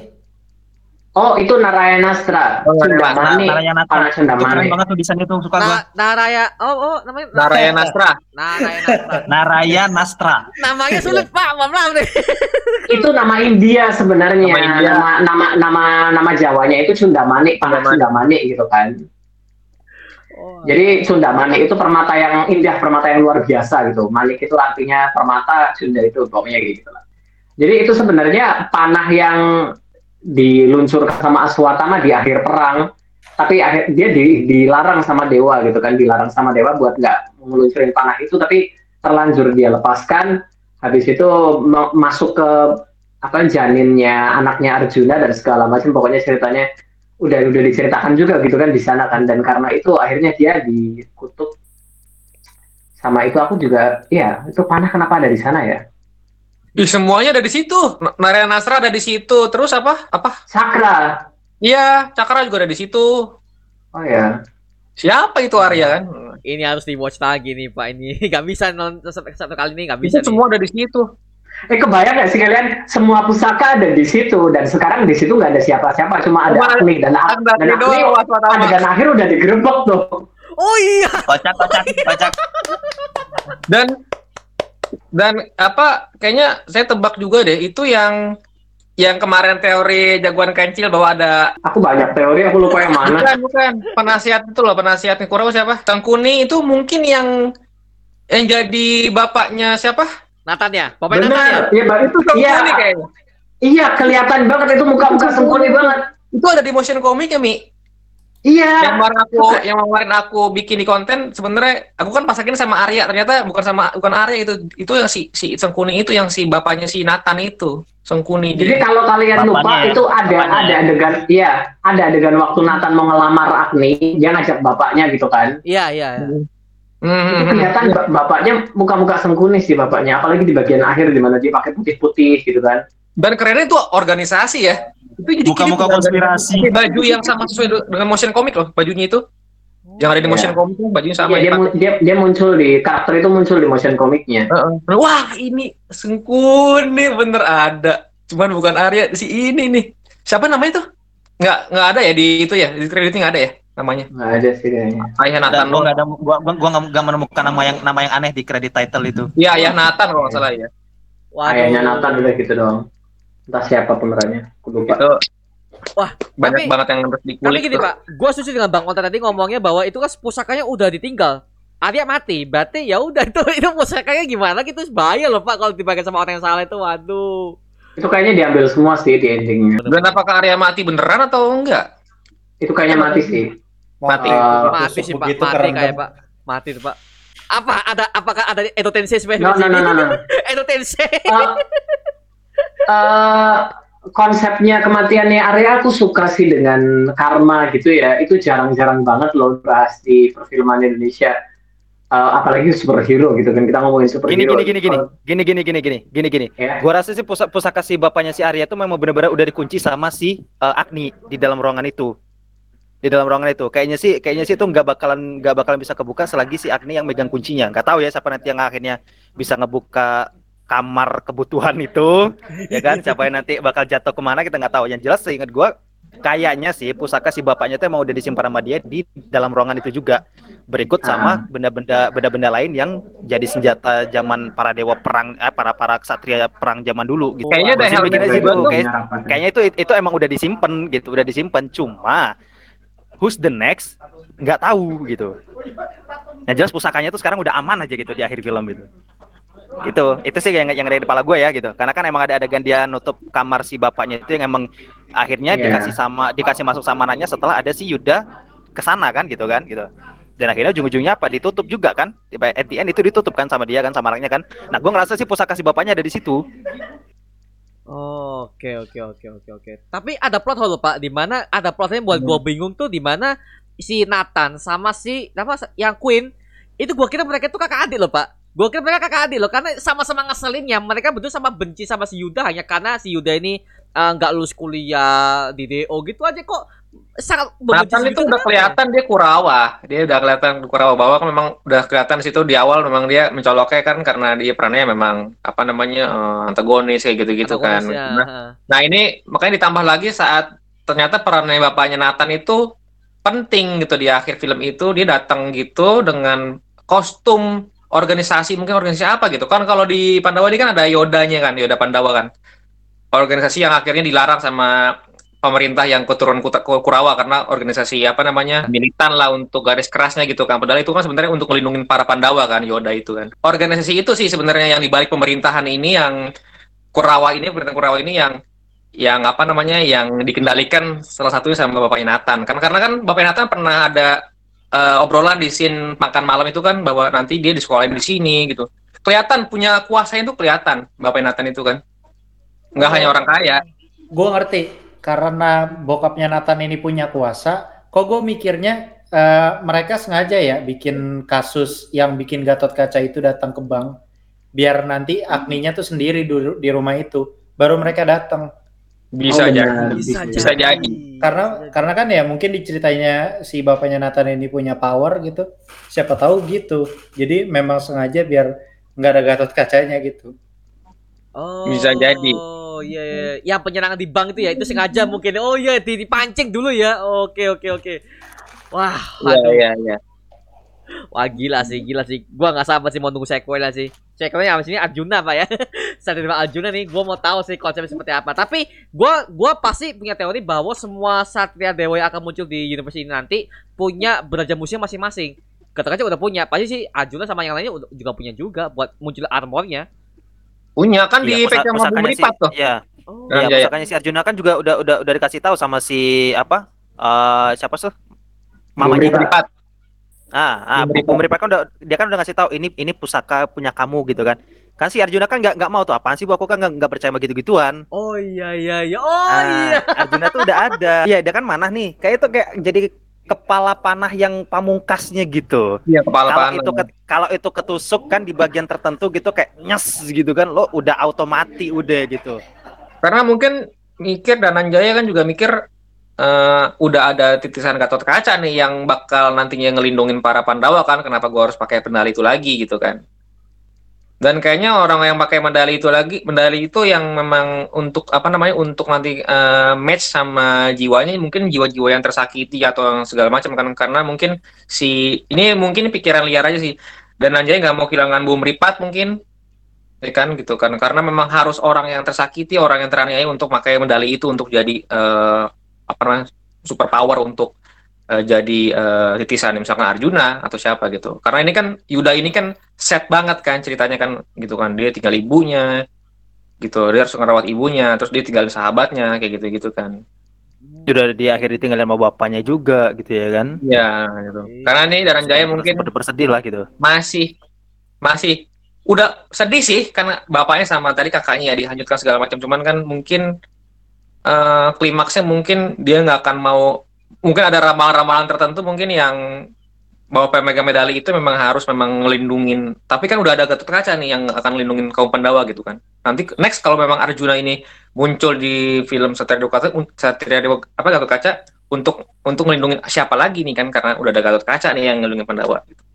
itu jadi itu pertanyaan salah satu jadi kekhawatiranku sih maksudku kalau Pertanyaan. di film. Arjuna nanti harus Gatot Kaca mau nggak mau harus disingkirkan dulu kalau nggak kalau Iya. nggak ya dia dia dia yang ngurusin semuanya tapi bagaimana kira-kira Gatot Kaca disingkirkan dulu Karena sebenarnya porsi Dananjaya juga di film Satria Dewa ini eh, Gatot Kaca ini pas Mas Hanung tuh eh, ya senior sih ya. Jadi dia tahu tuh porsinya Dananjaya cut di situ saat dia Dananjaya bilang ini urusin apa namanya ini biar jadi urusan gue gitu. Itu cut di situ tuh udah udah bener-bener udah pas tuh. Jadi nggak Iya. ada dia scene dia di mana? Di Astinapura kayak gitu-gitu kan gitu kan. Dia masuk ke dimensi Astinapura terus dia harus ngadapin BC segala macam. Udah dan udah top di situ partnya di situ gitu. Udah pas sih sebenarnya. Jadi nggak campur aduk lah. Ya soalnya Iya, makanya juga muncul ya. di akhir cerita gitu karena untuk nga- ngaduk-ngaduk film Gundala kan. Gitu kan Ya kalau gini loh, kalau Sri Asih setidaknya yang aku dengar ya mereka bakalan mau soalnya kalau di film Gundala kan Sri Asihnya udah jadi. udah jadi ya Jadi otomatis kalau di film Sri Asih bakalan flashback gitu kan ke Flashback, ya. awal mula dia mendapatkan kekuatan dan segala macam. Nah kalau Arjuna ini dia kan belum dapat pusaka ya. Sementara udah ditis juga soal abang dan segala macam. Kayaknya ada masa lalu yang bakalan dibahas juga. Yang artinya kalau di film selanjutnya mungkin bakalan lebih fokus ke masa lalunya dia, dia mendapatkan pusaka dan segala macam. maju mundur maju mundur nggak sih bisa nggak sih dibuat kayak gitu Bisa, Alurnya bisa. mundur. Tapi Bisa, problemnya bisa. Bisa. Problemnya Tapi kayaknya kalau- itu- kalau, kalau mau kalau mau dibikin lebih fokusnya ke Sri Asinya dulu deh, originsnya dulu deh gitu. iya. kayak Stranger Things lah gitu kan ada maju mundur Nah. maju mundur Nah, yang berbeda, yang berbeda kalau Sri Asih itu nggak bener-bener akrab temen banget sama Gundala loh. Mereka mereka bener-bener nggak nggak kenal bahkan gitu kan, cuma saling tahu doang. Kalau Arjuna dia sohiban sama Gatot Kaca sekarang. Masalahnya kalau misalnya nanti di film Arjuna dapat kesalahan, itu ke mana Gatot Kaca arahnya? Dia somehow harus dihilangkan biar fokusnya tetap ke Arjuna, tapi iya iya agak agak kalau tiba-tiba hilang agak kurang make sense sih karena mereka sahabatan ada di kota yang sama bahkan deketan gitu kan tinggalnya. iya di kota yang sama itu masalahnya Oh, Di tapi bisa sama. aja kayak gini. Si Dananjaya itu eh, pas menjelang ending dia kan bilang eh, ini urus aja urusan ini urusan gua, ini biar Iya. jadi urusan gua. Nah, siapa tahu nanti eh, dia punya misi tersendiri, entah itu mencari Hmm. kakak atau siapa yang Oh, hanya personal ya. Iya, personal jadi ya. kayak lu jangan ikut campur ini urusan gua gitu. Siapa tahu kayak gitu, siapa tahu. Jadi benar-benar dia sendiri nih solo dia. Ya kayak ini konsepnya MCU lah ya. Mereka satu kota sama tapi mereka punya problem mereka masing-masing. Itu aja sih. Jadi meskipun Iya. ada, ada yang power utama siapa tapi ya lagi-lagi mereka punya usaha mereka masing-masing itu aja sih. Kalaupun ya Gatot Kaca mau ditampilin ya eh, cuman cameo aja kali ya gitu ya kan. Cuma kayak obrolan Cameo, ya kayak obrolan singkat kayak gini ah. kan habis itu nanti jer eh, apa bisa cari misi masing-masing gitu kan. Kayak Doctor Strange di Ragnarok. Nah, itu. Nah, ya itu aja apa istilah istilah apa cameo-cameo aja sih gitu. karena apa namanya eh, ada memang dialog-dialog dialog-dialog yang yang gue tangkap sih yang saya tangkap apa namanya bahwa Kurawa ini masih nguasain eh, sistemnya dari Asinapura kan gitu kan nah makanya kan ini ada si Ahni ini kan yang jadi eh, namanya Sri Kandi gitu kan dia tapi kan dia bukan pimpinan polisi kan. Ini sih bakal nanti eh, film yang kedua ini sih bakal kompleks sih gitu. Nanti ada aroma-aroma ya politiknya, ya Mas Anung lah pokoknya ciri khasnya Mas Anung lah ada politiknya. Belum tentu Mas Hanung loh. Oh iya belum tentu Mas Anung ya. Tapi kalau film ini berhasil mungkin dia jadi eksekutif produsernya kali. Ya mungkin kita nggak tahu sih. Kalau dia mau, belum tentu dia mau juga. Dia kerjaannya banyak banget, men. Banyak banget. Pak Anton Bramantio tuh proyeknya banyak banget loh. Bener lu. Lagian eksekutif produsernya kayaknya udah ada sih di Satria Dewa. Nggak ada ya? Oh, Kayaknya harus harus apa namanya harus yang ngerti eh apa namanya ngerti timeline story filmnya untuk secara keseluruhan atau memang mereka udah udah siapin itu sih gitu. Ayo sih Ya, kayak, nggak dibikin kita, dadakan sebenarnya. oh nggak dadakan. Kayak waktu kita di press conference kemarin, itu kan mereka bilang mereka udah ada Bible-nya. Mereka udah Ya, ada bukunya. Tapi masih dalam perkembangan juga, masih belum selesai. Jadi memang masih dikembangkan lagi. Mereka masih berusaha susun itu lebih baik lagi. Jadi kayaknya memang ada dan kayaknya Mas Hanung bukan jadi ya kayaknya Mas Hanung mungkin kalau Mas Hanung balik mungkin Gatot Kaca dua kali ya. ya. ya. Ya nggak sih. Kayaknya untuk film-film selanjutnya bakalan di helmet sama orang lain sih, sutradara lain sih. Belum tentu Mas Hanung juga kok.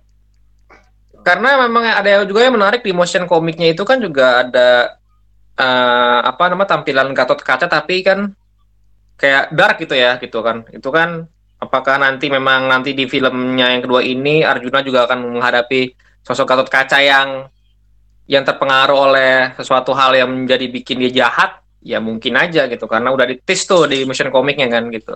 Iya, tapi aku kurang suka sih. Aku kalau kayak gitu fokusnya agak ke Gatot Kaca lagi. Aku Iya iya.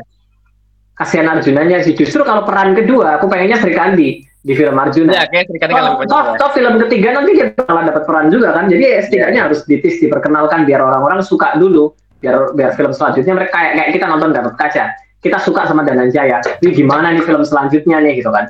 Jadi harusnya di film Arjuna mereka memperlakukan Sri Kandi seperti itu juga harapan kayak gitu. Dan Anjay feel-nya lebih lebih lebih oke malah di film Gatot Kaca ya kayaknya. Banyak yang bilang kayak gitu. Udah ngomongin kalau udah ngomongin Arjuna pasti nggak lepas dari Sri Kandi dong. Ya kan? Harus dong.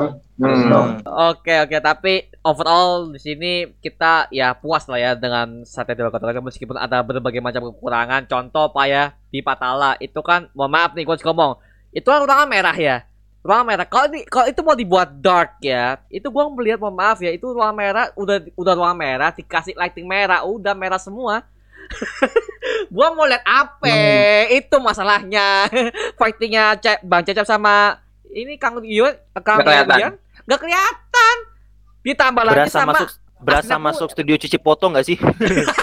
iya Oh, Iya kan? Kalau ada yang dulu pernah foto pakai tuh style tuh, ya kan? Yang Iya ada benar benar benar benar Iya, benar. nah, benar. tuh cucinya pakai di situ tuh warnanya merah-merah tuh, ya kan? Nah, kayak gitu Iya. tuh. sayang banget tuh itu keren loh tapi lagi-lagi mohon maaf lightingnya merah ruangan merah aduh gua gua tahu sih maksudnya mereka tuh mau, mau apa membedakan suasananya kelam horor tapi kan gak harus merah ruangan merah juga dong. Itu loh. Api merah merah merah semua pak. Apa yang mau gua lihat? Makanya gua langsung pusing pak. Jauh cukup pusing loh. Langsung tutup mata gua. Aduh pusing. Kalau kan gimana? Ada ngerasain yang sama nggak? Atau biasa aja gitu? Itu salah satu kekurangan sih, memang memang memang. Ada beberapa part memang salah satu kekurangan. Mungkin mereka sebenarnya mau menciptakan kan sebenarnya eh, dunia fantasinya fantasi memang karena apa namanya Patala ini kan memang dimensi mungkin upside down-nya eh, apa Astinapura kan gitu kan. Ah. yang berada mungkin ada di bawah atau ada di mana gitu kan. Karena kan masuknya lewat kayak ke bulan asap gitu kan. Itu mungkin cuman memang apa namanya eh apa ya dragging warnanya ya. Memang memang kelihatan memang eh, apa namanya sangat merah sekali gitu kan sangat merah sekali gitu. Memang ya itu memang salah satu kekurangan lah ya memang karena memang apa namanya kita untuk mereview kan juga apa namanya bagus untuk mereka juga untuk nanti next Iya, no no no, jangan jangan jangan takut untuk untuk berkata sesuatu Iya. yang kau nggak suka. Justru aku lebih suka review yang seperti itu gitu loh. Aku nggak tip, aku nggak suka banget kalau ada orang yang review mereka menyebutkan kesalahan dan kekurangannya semua tanpa menyebutkan kebagusannya. Karena kalau kita lihat Gatot Kaca, kita pasti sadar ada beberapa kekurangan di sini. Iya. Pasti otomatis semuanya semuanya baik gitu kan. Tapi tetap ada beberapa momen bagusnya di sini Jadi setidaknya itu harus diucapkan, apalagi kita sebagai content creator kan mempengaruhi orang yang nonton kita gitu kan. Iya, Begitu iya. juga iya, sebaliknya. Sekali. Begitu begitu juga sebaliknya kalau kita bahas cuma baik-baiknya aja dan kita nggak nyebut kekurangannya, itu otomatis kita bias juga dong ke mereka. Betul sekali, Kita benar. harus setidaknya kita kasih tahu uh, kalau setidaknya pribadi lah hal-hal yang kita suka, hal-hal yang kita suka kayak misalnya karakter Queen aku enak banget gitu kan sama dia ngerusak komedinya banget gitu kan. So aku aku op- apa adanya. Ya, betul. Harusnya. Sama apa ternyata, ternyata, sama ternyata di treatment kan- gini ternyata nggak di nggak di treatmentnya nggak selucu di imperfect gitu ya kan Imperfect kocak banget. Aku Iya, harapannya kayak gitu gitu kan. treatmentnya nggak sampai ke sana itu Queen gitu. juga yang main ya? Sayang banget Itu Queen juga yang main. Tapi soal warna merah ya, sebagai content creator, aku paham maksud kalian dan aku setuju sama kalian semua sih. Itu juga agak boring kalau lihat merah semua warnanya ya. Heeh. Cuman sebagai sebagai penikmat diriku sendiri ya, orang yang biasa menikmati film doang, aku suka sih sama aku suka warna merah. No, aku aku bahkan eh, pernah pernah ngomong gitu kan, aku pengen ngasih lighting di kamarku itu warna lampu merah doang. Itu bikin aku nyaman dan tentram. Aku suka warnanya gitu. Cuman ya itu bias banget sih pribadi banget gitu kan selera selera pribadi Fahmi Hanif. Jadi kalau kalau sebagai content creator aku paham maksud kalian memang harusnya nggak seperti itu. Angker ya. Produk pla- placement udah dibahas belum? Oh belum ya? Oh ya belum ya? Bahas belum ya? Wait, wait, wait. Kita akan bahas, kita akan bahas. Oh, ya. Dimulai dari Rehan ya. Tadi itu dia tuh Ayo. mau mau Ya, ya, ya, product ya. placement. Rehan Gimana? kayaknya banyak unek-unek soal product Rehan? placement ya yuk Han. Product placement. Sebutkan Kalau gue bukan unek-unek nih ya, mohon maaf, Hmm. gue berusaha untuk memposisikan gue kalau misalkan gue jadi produser ataupun gue jadi sutradara ataupun gue jadi penulis skripnya. yes Misalkan gue bikin film nih, gue udah nyerita, udah bikin cerita nih, udah rapi, terus gue eh, udah syuting misalkan, udah syuting set, ada brand masuk, ada brand masuk, udah gue syuting semuanya, udah rampung, udah selesai, tinggal masuk post production. Nah, sebelum gue masuk post production, setahu gue kalau yang namanya adegan brandnya khusus untuk brandnya, kita harus nunggu approve dulu dari brandnya. Siapa tahu, nih gue nggak tahu ya, eh, itu bukan ide dari eh, produser ataupun penulis skrip ataupun dari sutradaranya, tapi Jelas. justru pro- apa Jelas brandnya dong. sendiri yang minta, brandnya sendiri yang mau gitu. Ya kita nggak bisa apa namanya, kita juga nggak bisa nyalahin, sebenarnya nggak bisa nyalahin ke sutradara ataupun penulis skripnya. Siapa tahu dia udah bikin adegan se-soft selling mungkin, tapi tidak di-approve sama brandnya. Oh, Menurut iya, gua iya, kayak iya, gitu. iya, iya. Tapi emang ada beberapa yang eh, terlalu dipaksakan. Harusnya eh, misalkan itu memang dari permintaan brandnya, harusnya eh, ini untuk semua brand ya. Harusnya sih eh, lebih turunin ego juga sih untuk Iya. jangan apa namanya, jangan terlalu hard selling karena akhirnya malah merusak. Apalagi adegan yang meriang itu, aduh. Iya, soalnya kalau kalau tujuannya memang buat iklan promosi yang bikin-bikin kita suka sama brandnya gitu kan. Kalau justru terlalu hard kayak gitu kan malahan agak lari ke mana gitu kan. Eh, malah bikin kita agak-agak ngerasa, ya tapi dari segi produksi memang kayaknya itu di, di luar kuasa mereka sih. Kalau dari segi marketing memang itu kan deal to deal sama akun eksekutif ya, akun manajer apa akun eh, yang bagian untuk memang advertising untuk in apa untuk mengambil part di bagian film ini untuk promosi kan karena kalau nggak salah Frost itu ambil satu satu m lebih deh. Mereka Frost satu m lebih terus Tuh, ada Tokopedia ya, Tokopedia itu itu Semuanya. MM tuh. Emang Wah. mereka nggak mau nanggung sih kalau klien tuh sadis emang dulu gue berhadapan juga nih ke kerja sama klien nih wah itu klien kacau kacau sih klien tuh adalah raja kalau Iya, bagi iya kita kan, bener kan? karena Iya, yang mau bener mereka kan? misalkan gini eh, ini pasti udah di udah diatur eh, sebagian soft mungkin nih. Eh, misalkan ditaruh ditaruh di meja tapi kok klien nggak mau gila gue udah bayar 1 m lebih cuy. Eh, zoom nggak eh, produk gua gitu. Iya, nah cukup. Iya, iya, iya. mereka udah mereka terlalu egois mereka nggak cukup nih. Mereka nggak cukup untuk ditaruh di banner di billboard gitu. Di baju di kaos. Ya, make sense sih. ada- Kalau aku jadi mereka, aku juga ngerasa kayak gitu juga sih.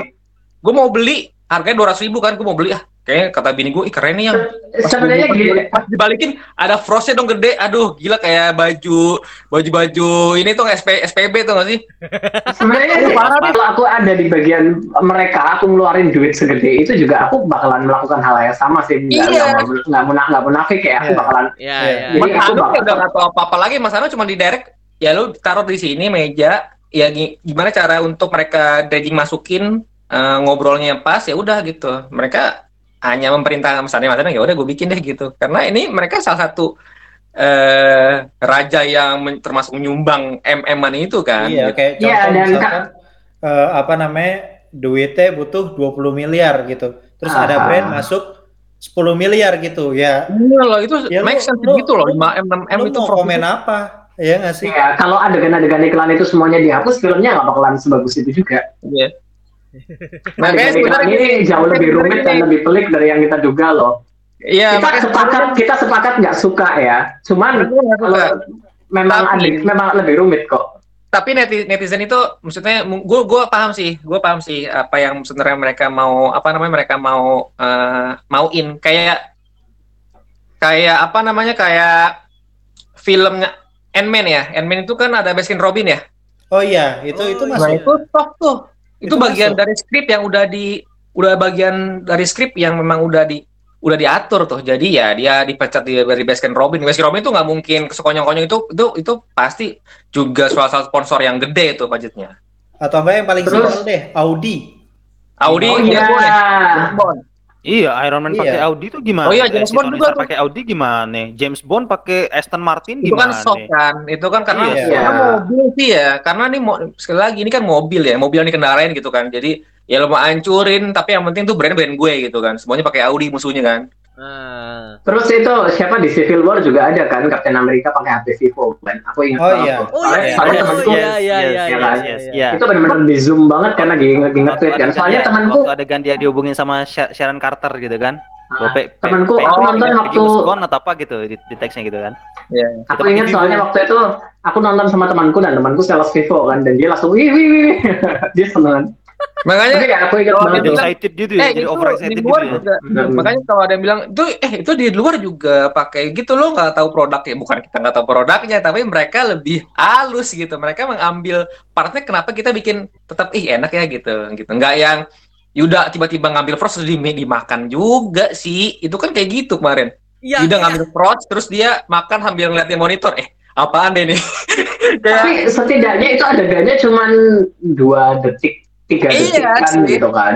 iya cuma Sepersekian detik lah ya pokoknya ya. Cuma setiap Ah. saat Hmm. itu masalahnya. Nggak ada dialog juga gitu kan. Gitu, Setidaknya adegannya nggak bener-bener kayak kayak batuk terus si Gege misal ngomong kakak batuk kak makan ini kak setidaknya nggak ada itunya gitu kan. Enggak, enggak gitu. Iya, makanya nggak ada kalau gitu ya. makanya yang jadi concern concern awal gua sebelum nonton sebelum nonton itu adalah ketika Twitter rame banget soal product placement. Nah, yang nah ada di kepala itu. gua. Nah aku juga Yang mikirnya kayak gue, gitu. Ah, gue mikirnya kepala Oke, ini kalau mau pakai treatment sinetron yang di dalamnya tiba-tiba ngiklan juga, hmm, Wah, Ah, gua serang habis-habisan.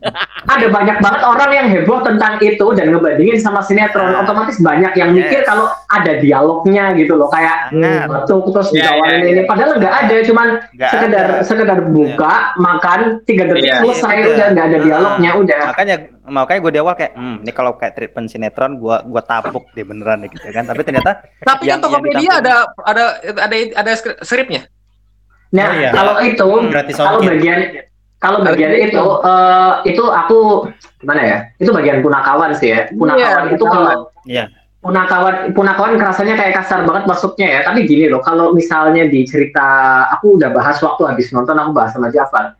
Jadi kalau di pagelaran wayang orang itu di kisah yang intens banget misalnya kisah tentang perang Baratayuda itu di bagian babak tengah atau mungkin tiga perempat bagian akhir itu dimasukkan babak bonus namanya babak goro-goro itu dimasukkan punakawan jadi Petro Gareng sama Bagong ngelawak kayak gitu kan ngelawaknya juga ngelawak. Ada kadang-kadang ada sindiran ke politik kadang-kadang ada nasihat dan segala macam gitu kan.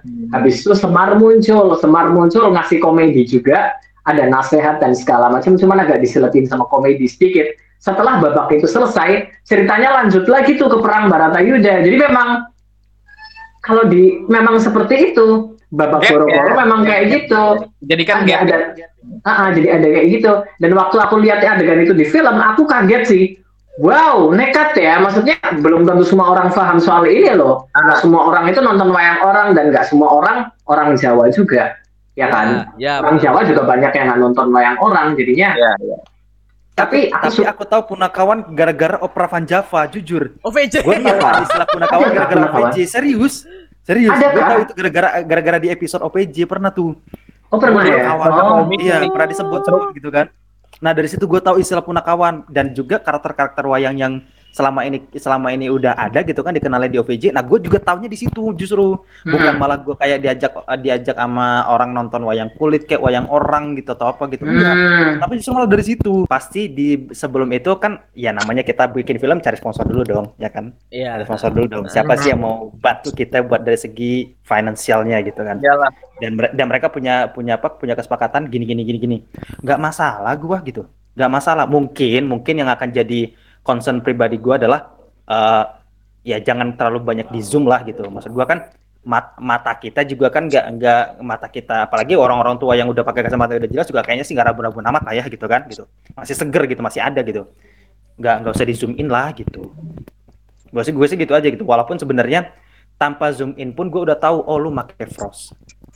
Tanpa zoom in pun gue apa dari tanpa zoom in kayak dari dari uj- ujung mata aja gitu kan warna hijau ada logo Tokopedia gue tahu itu Tokopedia gitu kayak gitu aja gitu kan jadi tanpa harus tanpa harus beberapa part iklan tanpa harus di zoom in lah gitu udah gitu Yang kayak di luar lah ya. Sofa di luar Iya. kan. Dan Skin Iya, Robin ini juga nggak mesti di zoom in kan kalau udah film Iya. Ant-Man kan. lu pegang kaleng, kamera lu jauh, kita tahu itu kaleng kaleng lah Iya. segar tahu gitu misalnya gitu. Itu kaleng lah segar gue tahu gitu, gue pernah minum gitu kan. Nah, kayak gitu-gitu. Maksud gue nggak nggak nggak usah nggak usah too much sampai di zoom in lah gitu. Itu menurut Eh Ben gue ya. Juga di, di apa di Justice League juga pakai Audi ya? Iya. Justice League ya ada, eh, Audi, ada Mercy. Aston Martin juga, Mercy, Mercy. juga. Eh, Mercy. Yang jemput Mercy. yang jemputnya Barry pakai Iya, Audi. Mercy. Ah, Mercedes Mercy. Benz. Messi, Messi, Messi itu. Mercedes Mercy. Benz. Mm. Nah kayak gitu maksud gua ya nggak nggak apa kayaknya sih produk abis ini tuh eh, jangan minta itu untuk zoom in banget lah ya karena kan masyarakat Indonesia dengan produk lo tuh bukan awam udah tahu semua gitu bahkan Iya. Karena- bisa memasarkan iya bahkan lo bisa Suasananya juga sih. Iya sih, Mm-mm. Mi. Waktu itu kan eh, saya nonton sama Jagoan Kancil kan pas ada kayak Hmm. Frost itu gitu langsung iya, ya kayak gitu-gitu nggak sih kayak jadi kayak Hmm. nonton ih apa sih kayak jadi kayak bancengan. Udah kita Hmm. sendiri kan diem ya. Hmm. Terus kayak mereka tuh iya kayak gitu-gitu loh nonton tuh ya, ya jadi kita ikutan ya. Iya lah Oh, jadi, gitu? jadi Iya. Oh, Iya, sama, itu sama, hari pertama sama, kan gua juga, Sama, juga, sama, sama, sama, sama. sama, sama. hari ini Ya. hari ini kursi di seberang gua ya kursi di seberang gua antara dari dari A1 sampai A6 itu neriakinnya sama. Gua gua yakin tuh satu geng tuh kayaknya tuh yang nonton tuh kayaknya. Gua yakin tuh satu geng nonton itu. Maka karena teriaknya sama pas ada produk keluar gitu kan, produk klak gitu kan. Hmm. Udah ada teriak gitu. Habis itu ada si siapa yang kecil itu? Karakter yang an- anak kecil itu Yupi ya? Eh, sorry. Ya. Ini ya. ada ada permainan gitu. Yang dia buka Oh, Yupi. kulkas juga itu kan ada larutan apa? Larutan kaleng gitu kan. itu masih Nah, ya itu- itu tuh nah, tuh, itu. nah, itu nah itu juga tuh nah itu juga tuh mereka pada teriak-teriak tuh kayak oke ini nggak- ini ini nggak ganggu loh gitu ini Nggak ganggu, yang nggak ganggu sama sekali. yang, yang ganggu sebelah gua yang Iya, ganggu sebelah ganggu gua tuh suara lo ganggu men suara lo ganggu men. Anjing gua kayak gitu. Suara lo ganggu anjing gitu. Diem lu gitu. Gua pengennya kayak gitu kan. Cuma kayak gua yang menikmati film tau gak gitu. Gua nggak pengen ribut di bioskop. Berarti iya itu ganggu banget men. ya, meskipun eh, Bang Java sama Bang Onta ketika gala primer pas ada product placement tetap reaksinya sama. Ada Iya ya, kayak gitu. Kalau gue kan ya gitu kayak eh gitu kayak Hmm. eh apa sih kok jadi ya gitu kita kan. jadi yang apa kurang halus ya gitu apa kurang ini temen kalau kita sih masih misalnya ya udah biasa aja kita kita juga nonton kan juga beberapa film luar kan juga kayak gitu gitu kan cuman apakah ini terlalu Iya. mencolok kita nggak tahu deh Mm, Sebenarnya gini loh, kalau kalau menurutku ya, kalau menurutku eh, sama memang di- No, gini, kalau menurutku memang ada condong ke arah mencolok, tapi nggak jauh banget gitu loh. Cuman sekitar berapa persen, sedikit ke arah mencolok. Tapi karena ada banyak sekali bertubi-tubi, bukan cuma satu dua gitu loh. Jadi kesannya jadi ya. kayak lagi, lagi, lagi, lagi, lagi. Jadi kerasa kayak, oh oke, lalu mencolok kan, Ya. dibikin iklan. Jadi arahnya jadi beda.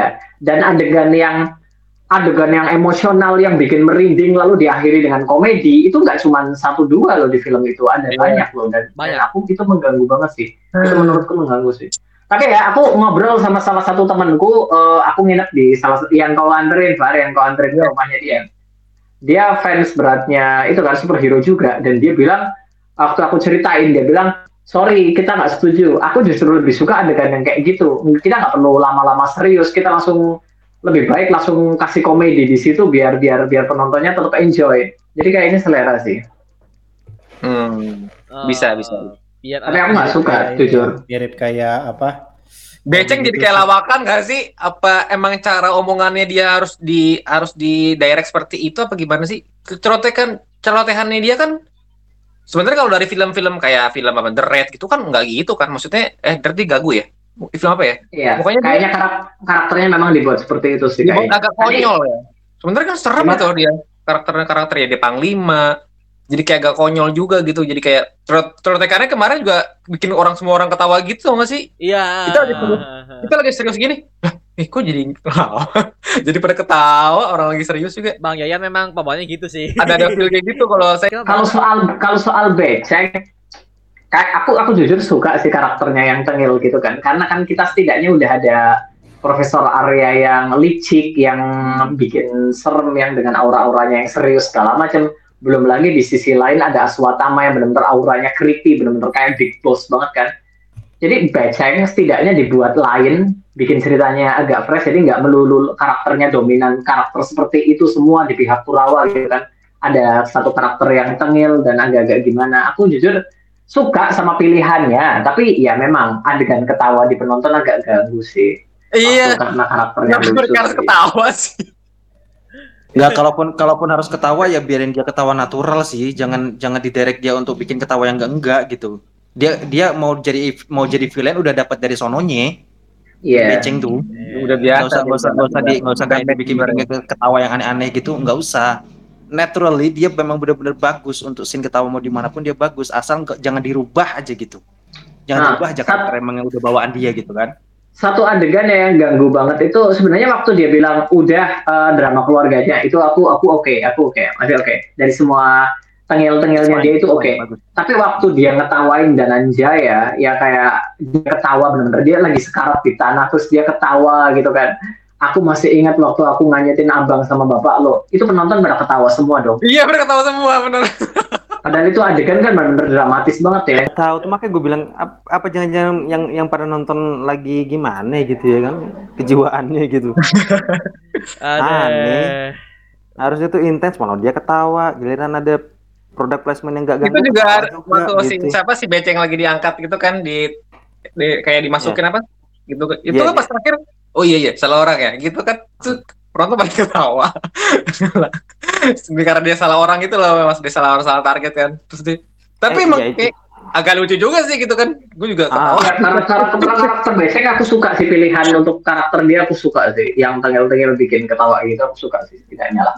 Eh, Waduh, tapi at, gua jujur aja ada yang nangis, Pak. Gua gua ada ada adegan yang nangis yang ibunya Yuda mati tuh gua nangis, Pak. Nangis di situ, Pak. Gua. Ya, paham. Terus gua nangis. Gua kayak gua doang yang nangis, Pak, karena eh, sumpah Iya. dramanya dapet banget apa ibunya udah dilupakan karena Kurawa, dia gak inget pas pada saat dia Dapat lah dramanya ya, Mas Hanung lah. Dapet banget anjir, nangis gua. Ini Gue bagus. juga kalau- itu, sejak awal itu yang pas dia pergi ke rumah itu nangis. Oh iya, oh iya itu aku ya, itu aku ya. Aduh, Bang Joko dapat ya. juga dramanya nih gitu kan anjing. Itu waktu waktu waktu Gundala ditinggal sama ibunya aku juga juga sedih banget. Tapi kalau Hmm. untuk eh, bagian kematiannya ibunya Yuda, aku senang kalau kalian dapet gitu kan. Tapi sayangnya aku nggak dapet sama sekali sih. Loh? Karena se- sekitar beberapa hari sebelumnya aku udah baca kematian itu di sinopsisnya. Ya, Oh iya, sinopsisnya itu ada di beberapa tempat gitu sinopsisnya dirilis dan itu membocorkan tentang kematiannya Arimbi, kematian Erlangga dan segala macam dan segala macam. Jadi waktu itu aku cuma nunggu ini kapan sih ibunya mati. Jadi kayak gitu doang aku sih. udah Waktu ibunya Dari- mati ya, waktu ibunya mati dari ya. sinopsis Oh. dari sinopsis aja udah nggak udah nggak asik ya Iya udah nggak asik. Jadi waktu ibunya mati ya, oke ibunya udah mati habisnya apa lagi nih? Nggak ada yang aku rasakan. Justru momen yang paling aku rasakan waktu kematiannya Profesor Arya karena aku mikir dia bakalan dibuat jahat gitu kan dan ternyata justru di bagian akhir dia sadar dan dia ingin karmanya diputus di situ juga. Soalnya kalau kalau kata Agni itu kan kalau misalnya dia nggak nggak dibunuh sama Gatot Kaca, dia takut karmanya jatuh ke anaknya atau di kehidupan selanjutnya atau semacamnya. Jadi diselesaikan di situ juga karmanya dibunuh oleh Gatot Kaca itu aku nangis sih waktu setidaknya dia mikirin anaknya dan segala macam gitu kan itu adegannya bagus banget sih mungkin kita bisa bahas Bumi Langit lah ya Far ya Ya, ya. nggak lama kan ya Iya iya iya iya iya. Ya. Karena kemarin ada ada ada ada yang ngimpi juga tuh trailernya Sun akan dirilis katanya. ya. Iya. Mimi. Instagram Instagramnya Upi tuh. Ya. Ada mimpi sih Lucu banget jawaban-jawaban Mbak Upi. Ya, ada mulai-mulai ketularan gua tuh. Tapi ini sebagai penutup podcast ya. Pertanyaan terakhir buat kalian semua dan juga gua nanti akan jawab di akhir-akhir. Menurut kalian skor akhir berapa untuk Satria Dewa Gatot Kaca ini? Dan apa alasannya? Mulai dari Bang Jafar dulu dari Kalau secara review seluruhan ya, walaupun masih ada kurang sana sini, cuman ya apa namanya hmm, superhero yang kadang bukan kadang yang kita pengen tonton itu dengan CGI itu ada di Gatot Kaca, jadi gue beri nilai 8 lah. Walaupun sebenarnya cerita eh, standar nggak lebih bagus dari misalkan film Gundala, cuman dari apa namanya dari CGI yang memang apa namanya yang ditampilkan memanjakan mata ya, gue bisa bilang 8 lah. Dengan cerita yang plot ringan sebenarnya ada beberapa easter eggs yang bagus untuk ke depannya gue kasih 8 dari 10 Ah, 8. Oke, oke, oke, oke. Kalau dari ini Borea nih, Hmm, gue 8 per 10 sih. 8 per 10. Uh, banyak. Iya, gue 8 per 10. Karena di kesampingkan dulu lah kekurangan-kekurangannya. Iya. Kalau lo lihat kelebihannya tuh jauh lebih banyak daripada kekurangannya kok. Iya. setuju bener Setuju. Seriusan. Setuju, setuju, setuju. Orang-orang pada ngegambar-gemborin soal ya itu tadi ya product placement segala macam, tapi kesalahannya ya itu aja. Iya. Hmm, Misalnya maksudnya kesalahan yang benar-benar ter-highlight banget lah. Sisanya cuma minor, minor, minor, minor. sisanya Betul, cuma betul, minor, sisanya cuma minor banget. Apalagi OST-nya. Aduh, gue suka banget OST-nya. Oh iya OST-nya yang waktu di bagian OST yang judulnya Dasmu itu aku suka. Pokoknya OST yang apa ya? Yang eh, instrum instrumen yang dia terbang akhirnya. Yang dia oh Oh, iya iya, ala-ala ini banget ya ceng ceng ceng yang gitu-gitu. superhero itu Itu gua- ini Superman ini. ini ini keren banget sih. Ini keren banget. Hans Zimmer Hans Zimmer Yang bikin gua kasih nilai tambah lah. Awalnya kan gua mikir kayak ini kayak 7,5 deh. Eh pas gua denger OST-nya, wih, OST-nya sama scoring lagu di awal di awal film masih keren tuh itu Ya, udah uh. Oh iya. Wah. Itu. Jadi ya 8 per 10 lah. 80 ya. Oke, siap, siap, siap. Kalau dari Bang Onta nih, gimana? aku nggak akan kasih uh, rating lagi untuk semua semua film superhero Indonesia yang aku tonton. Aku udah memantapkan diri seperti itu. Tapi buat kalian semua ya, uh, sebenarnya banyak banget hal yang kalian minta buat yang suka pengen ada superhero Indonesia gitu kan. Banyak banget hal yang kalian minta yang sudah disampaikan sama film ini, sudah dicapai oleh film ini. Seperti kalian pengen superhero Indonesia yang keren, kalian pengen superhero Indonesia yang bisa terbang, kalian pengen uh, pertarungan CGI yang terlihat bagus. Itu semua udah udah udah tersampaikan kok di sini. Jadi uh, memang ada beberapa kekurangan di sana sini, nggak bisa kita kita tak gitu juga ya. Ada beberapa kekurangan di sana sini, ada beberapa kekurangan juga yang bikin tanganku mengepal kuat waktu gitu kan gemes banget. Tapi tetap ada banyak kelebihan yang ada di film ini. Jadi rasanya sayang banget. Karena kan otomatis kalian pasti pengen dong uh, genre film superhero Indonesia semakin semakin apa? Semakin ramai kan, semakin semakin beragam kan. Karena untuk meyakinkan sebuah perusahaan film dan meyakinkan seorang produser untuk mengucurkan dana sebanyak ini untuk film superhero yang belum tentu laku, sejarahnya belum ada film superhero Indonesia yang tembus 2 juta loh penonton. Ya, Sementara ada banyak sekali film-film romance yang mungkin dengan budget yang nggak terlalu besar, yang tembus jauh di atas itu. Iya. Jadi untuk meyakinkan perusahaan dan produser untuk bisa membuat ini, untuk untuk meyakinkan buat nekat kayak gini, itu aja udah susah loh ya. Dan hasilnya akhirnya juga bagus. Banyak sekali hal bagus yang ada di film ini. Jadi rasanya kok sayang banget kalau misalnya kita justru memojokkan mereka hanya karena ada beberapa hal yang kurang di film itu. Nanti kalau misalnya ya. ya semua itu harus adil kan. Kalau ada nilai positif yang eh, kalau ada nilai kurang yang dibahas, harus ada positif juga yang dibahas. Rasanya sayang banget kalau misalnya justru kita pojokkan karena beberapa kekurangan yang baik justru kita lupakan kan. Nanti kalau kita bersikap kayak gini terus, industri perfilman Indonesia pasti otomatis bakalan balik ke zaman dulu lagi. Pasti, otomatis bakalan kayak gitu lagi. Kalau misalnya kenekatan mereka ini nggak diapresiasi, itu mereka nggak cuma modal nekat, hasilnya juga bagus ya nggak sih? Iya, ah, hasilnya juga bagus. Gitu. Oke, Iya. oke, oke. Thank you Bang Onta. Dan yang terakhir nih Bang Putra, gimana Bang Putra? Karena gue juga nge-review setiap film yang tayang di bioskop di Instagram gua, jadi rasanya nggak mungkin ya kalau gua nggak kasih angka gitu. Tadinya gue pengen tujuh, jujur, gue pengen tujuh, gue pengen tujuh karena eh, banyak banget dari segi ya apa dari kekurangan yang gue rasain kayak dari segi teknis di akhir dan juga apa namanya ritme segala macam terus juga kayak apa nam eh, itu juga karena di bagian ada beberapa bagian storytelling atau gimana yang kayak gue udah gua udah ada di kepala gue yang yang gak, nggak nggak bisa gue share banyak gitu. Nanti itu bakal jadi materi untuk gue sendiri gitu. Tapi dengan segala teknis apa segala macam kayaknya ini bener yang kayak udah dibahas sama teman-teman semua ya kayak Rehan eh, dari nonton film juga dari si Onta gitu. Ada hal yang sepertinya bisa dikesampingkan sih gitu. Jangan sampai nanti eh, ini bakal jadi bombardirnya adalah ketika nanti di sequel atau di film selanjutnya masih make formula yang sama dan gak ada perkembangan itu baru deh itu baru tuh nggak bisa dimaafin gitu kan tapi well somehow kayaknya gue berani untuk menaruh juga berani untuk menaruh di angka 8 untuk film ini gitu sebenarnya Sepakat gitu. ya kalian bertiga ya. Iya, iya, karena gini, karena gini gini. Kalau kalau dari gue pribadi, gue balik lagi ya, gue jelasin tadi bahwa gue dari segi untuk diceritain kayak minimap dari ceritanya si Gatot Kaca, gue suka dari segi minimap ya maksudnya di bagian ini akan menceritakan ini, bagian ini selanjutnya akan menceritakan ini, ini, ini, ini, ini, itu gue itu, itu gue suka gitu, tapi tidak dengan ritmenya gitu. Terus juga kayak dari dari segi visual effect, yaitu tadi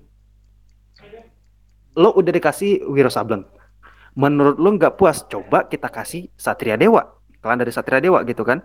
Atau mungkin lo udah ngeliat uh, Wiro Sableng abis itu lo ngeliat Gundala lo masih kurang. Gatot Kaca salah satunya coba lo lihat gitu semahal apa budget yang mereka pakai untuk adegan terbang itu yang ada di trailer gitu. Terus juga kayak uh, apa namanya seberapa effort juga untuk seorang Rizky Nazar menjadi orang Jawa yang eh apa ya seba- sebagai keturunan Gatot Kaca gitu. Sebagai orang yang punya darah Gatot Kaca gitu atau punya ini keturunan dari Gatot Kaca di film itu gitu kan. Sebagaimana lo ngelihat effort seorang Omar Daniel menjadi Arjuna yang eh, yang di hasil akhir bagus gitu. Yang di hasil akhir it works gitu kan. Nah jadi makanya kayak aduh ini kayaknya bisa dikesampingkan bener deh kayaknya kita sepakat bahwa ada hal-hal yang masih bisa dikesampingkan gitu. Product Iya. placement fuck. Setuju, setuju. product placement fuck. Gua nggak peduli lo mau uh, teman-teman yang nonton sekarang ya mau bilang product placement itu mengganggu apa segala macam gua minta satu hal ya buat teman-teman yang nonton yang, yang merasa prod- yang masih merasa product placement itu mengganggu ya. Kalian nonton lagi semua film superhero yang udah kalian tonton. Bebas mau Marvel mau DC bebas. Apa produk yang bisa lo lihat dan lo tahu? Gitu. Coba lihat presentasinya. Coba lihat presentasinya. Coba lihat presentasinya. Mau halus mau jorok coba lihat. Ada kan? Lo tahu kan tuh produk ada kan? Tuh produk namanya lo tahu kan gitu. Ya, terus apa bedanya so what's the difference? Apa bedanya dengan Satria Dewa yang udah dikasih budget dikasih modal istilahnya gitu kan diinvest sama brand tertentu mereka cuma minta shoot shoot produk gua ya. Cuma itu doang. Product placement secara secara secara keseluruhan nggak mengganggu isi cerita. That's why kenapa akhirnya gue sekali lagi berani untuk naruh di angka 8. Oh, Jadi itu penilaian gua, 8 dari 10. Oke, 8 kan, kan? Oke, oke, siap, Sepakat siap. kita. 8 gua. Mm-mm. Oke, oke, thank you Bang Muta uh, atas ini informasinya. Kalau gua sih, gua uh, sorry, saya gua kasih 9,5 dari 10. Mohon maaf nih. 9,5 dari Gak 10. apa-apa, man, gak apa-apa. Kenapa? Kenapa? Lo juga, lo juga, lo juga punya, lo, lo, lo pasti juga punya hal-hal yang menurut lo bagus dan bisa lo bagiin dong ke orang-orang. Oh gitu. ya pasti. Dan Hmm, karena karena gini makanya. Bang Putra, kenapa gua kasih 9,5 dari 10 dikarenakan satu bahasanya udah nggak kaku. Itu yang gue suka. Bahasa Kok terganggu banget ya sama bahasa baku ya? Oh, bu- bukan bukan masa bahas, eh, bahas eh, bukan masa bahasa baku Bang Onta. Ini kan film, bukan komik itu loh dan juga Indonesia kan kalau kita baku ngomong kalau kita dengan orang kak- eh, kaku di film Indonesia dengan tema seperti ini kan kayak aneh gitu lihatnya. Aneh banget kalau ini kalau ini film bu- untuk remaja ya, bukan untuk BJT, bukan untuk anak-anak ya. Jadi kita lihat kalau kaku tuh aneh. Juga loose ada lu gue lu gue tuh oh mantep banget gue suka banget itu yang gue suka. Dan juga soundtracknya dengan band kotak lagu lagu hantam di ending tuh oh my god gue langsung puterin berkali-kali di Spotify pak. Itu yang gue suka tuh. Mantep banget semuanya tuh. Dan castingnya semuanya epic banget. Terus eh, DOP-nya bagus penggarapannya bagus dan post creditnya kita bikin penasaran. Itu yang gue suka tuh. Gitu. Eh nggak ada post credit scene, ada pak yang, yang yang itu yang si ditaruh di akhir oh filmnya. mid mid credit scene ya mid mid Mid- mid. No, no, no, Iya. bukan bukan bukan mid credit scene. Itu benar-benar ditaruh di akhir filmnya. Setelah itu baru credit scene. Credit scene-nya kosong, isinya credit scene semua. Oh. Jadi buat kalian yang nonton itu tapi harusnya kalau kalian udah nonton video yang kayak gini yang spoiler harusnya kalian udah nonton ya. Tapi kalau kalian belum nonton eh, itu semua adegan tease untuk sequel segala macam itu ditaruh di akhir filmnya. Nah, di akhir Setelah film. baru- masih akhir film ya. Masih buat ada. film. Hmm, nggak ada post credit scene, after credit scene, mid credit scene itu semuanya nggak ada ditaruh di akhir filmnya langsung semua. Gue setuju sih Aku lebih sama yang kayak kayak gini gitu. loh. Iya, gue setuju sama yang kayak gitu. Iya. kayak kayak biar Soalnya- gitu ya biar biar beda sama luar ya Indonesia cuma punya sendiri Film Gundala ya, aku kesel banget ada banyak orang yang bilang film Gundala kok kostumnya merah sih padahal padahal di, di akhir ada ada Hmm. kostum kedua. Cuman orang udah terlanjur keluar duluan, mereka nggak lihat. Padahal itu kostumnya juga mahal loh. Sayang Mahal. banget. kostum mahal banget itu Pasti Ya, enggak orang ya, ya. pasti, iya. Pasti itu orang si paling bumi langit deh, udah keluar duluan. Si paling BL. iya, si paling bumi langit keluar gitu. Ya enggak Han? si paling Si Marvel paling ya Marvel kan gitu kan ya. Si paling Marvel kita kan kayak gitu Han ya. Belum belum belum apa eh, baru tulisan-tulisan dong udah keluar ya Han ya. Paling Marvel banget. Iya. Oke, tapi at least kita udah paparkan semua pendapat kita, semua kita udah tes dan Hmm. kalau kalian eh, yang belum nonton filmnya dan udah nonton 3 jam ini di podcast ini, waduh kalian harus nonton sih. Kalian bisa merasakan cinema experience kalian dan mungkin kalau kalian ada pendapat lain, baik pun positif atau negatif, tulis aja di kolom komentar di bawah dan kita bisa diskusi bareng seperti biasanya. Oke, dan kayaknya Sate Dua Kotak Kaca sequelnya mungkin akan mereveal semuanya dan lebih baik lagi. Itu aja sih dari saran dari gua dan juga jawaban kancil. Clip on Universe nonton dulu dan juga Bang Putra thank you banget sudah menemani gua untuk Satria Dewa Gatot Kaca ini. Thank you banget. Yes, you're welcome. You're welcome. Oke, ya dan jangan lupa subscribe dan nyalakan notifikasinya agar kalian tidak ketinggalan video baru dari gua. Dan jangan lupa untuk subscribe Jagoan Kancil, nonton dulu klip All Universe dan juga untuk follow Instagram Bang Putra. Previn Putra, linknya ada di bawah ini. Oke, dan Thank you. oke, Terima kasih yo, semua. Sampai ketemu lagi. yo, sampai jumpa di video berikutnya. Adios. Wuhu. Bye bye.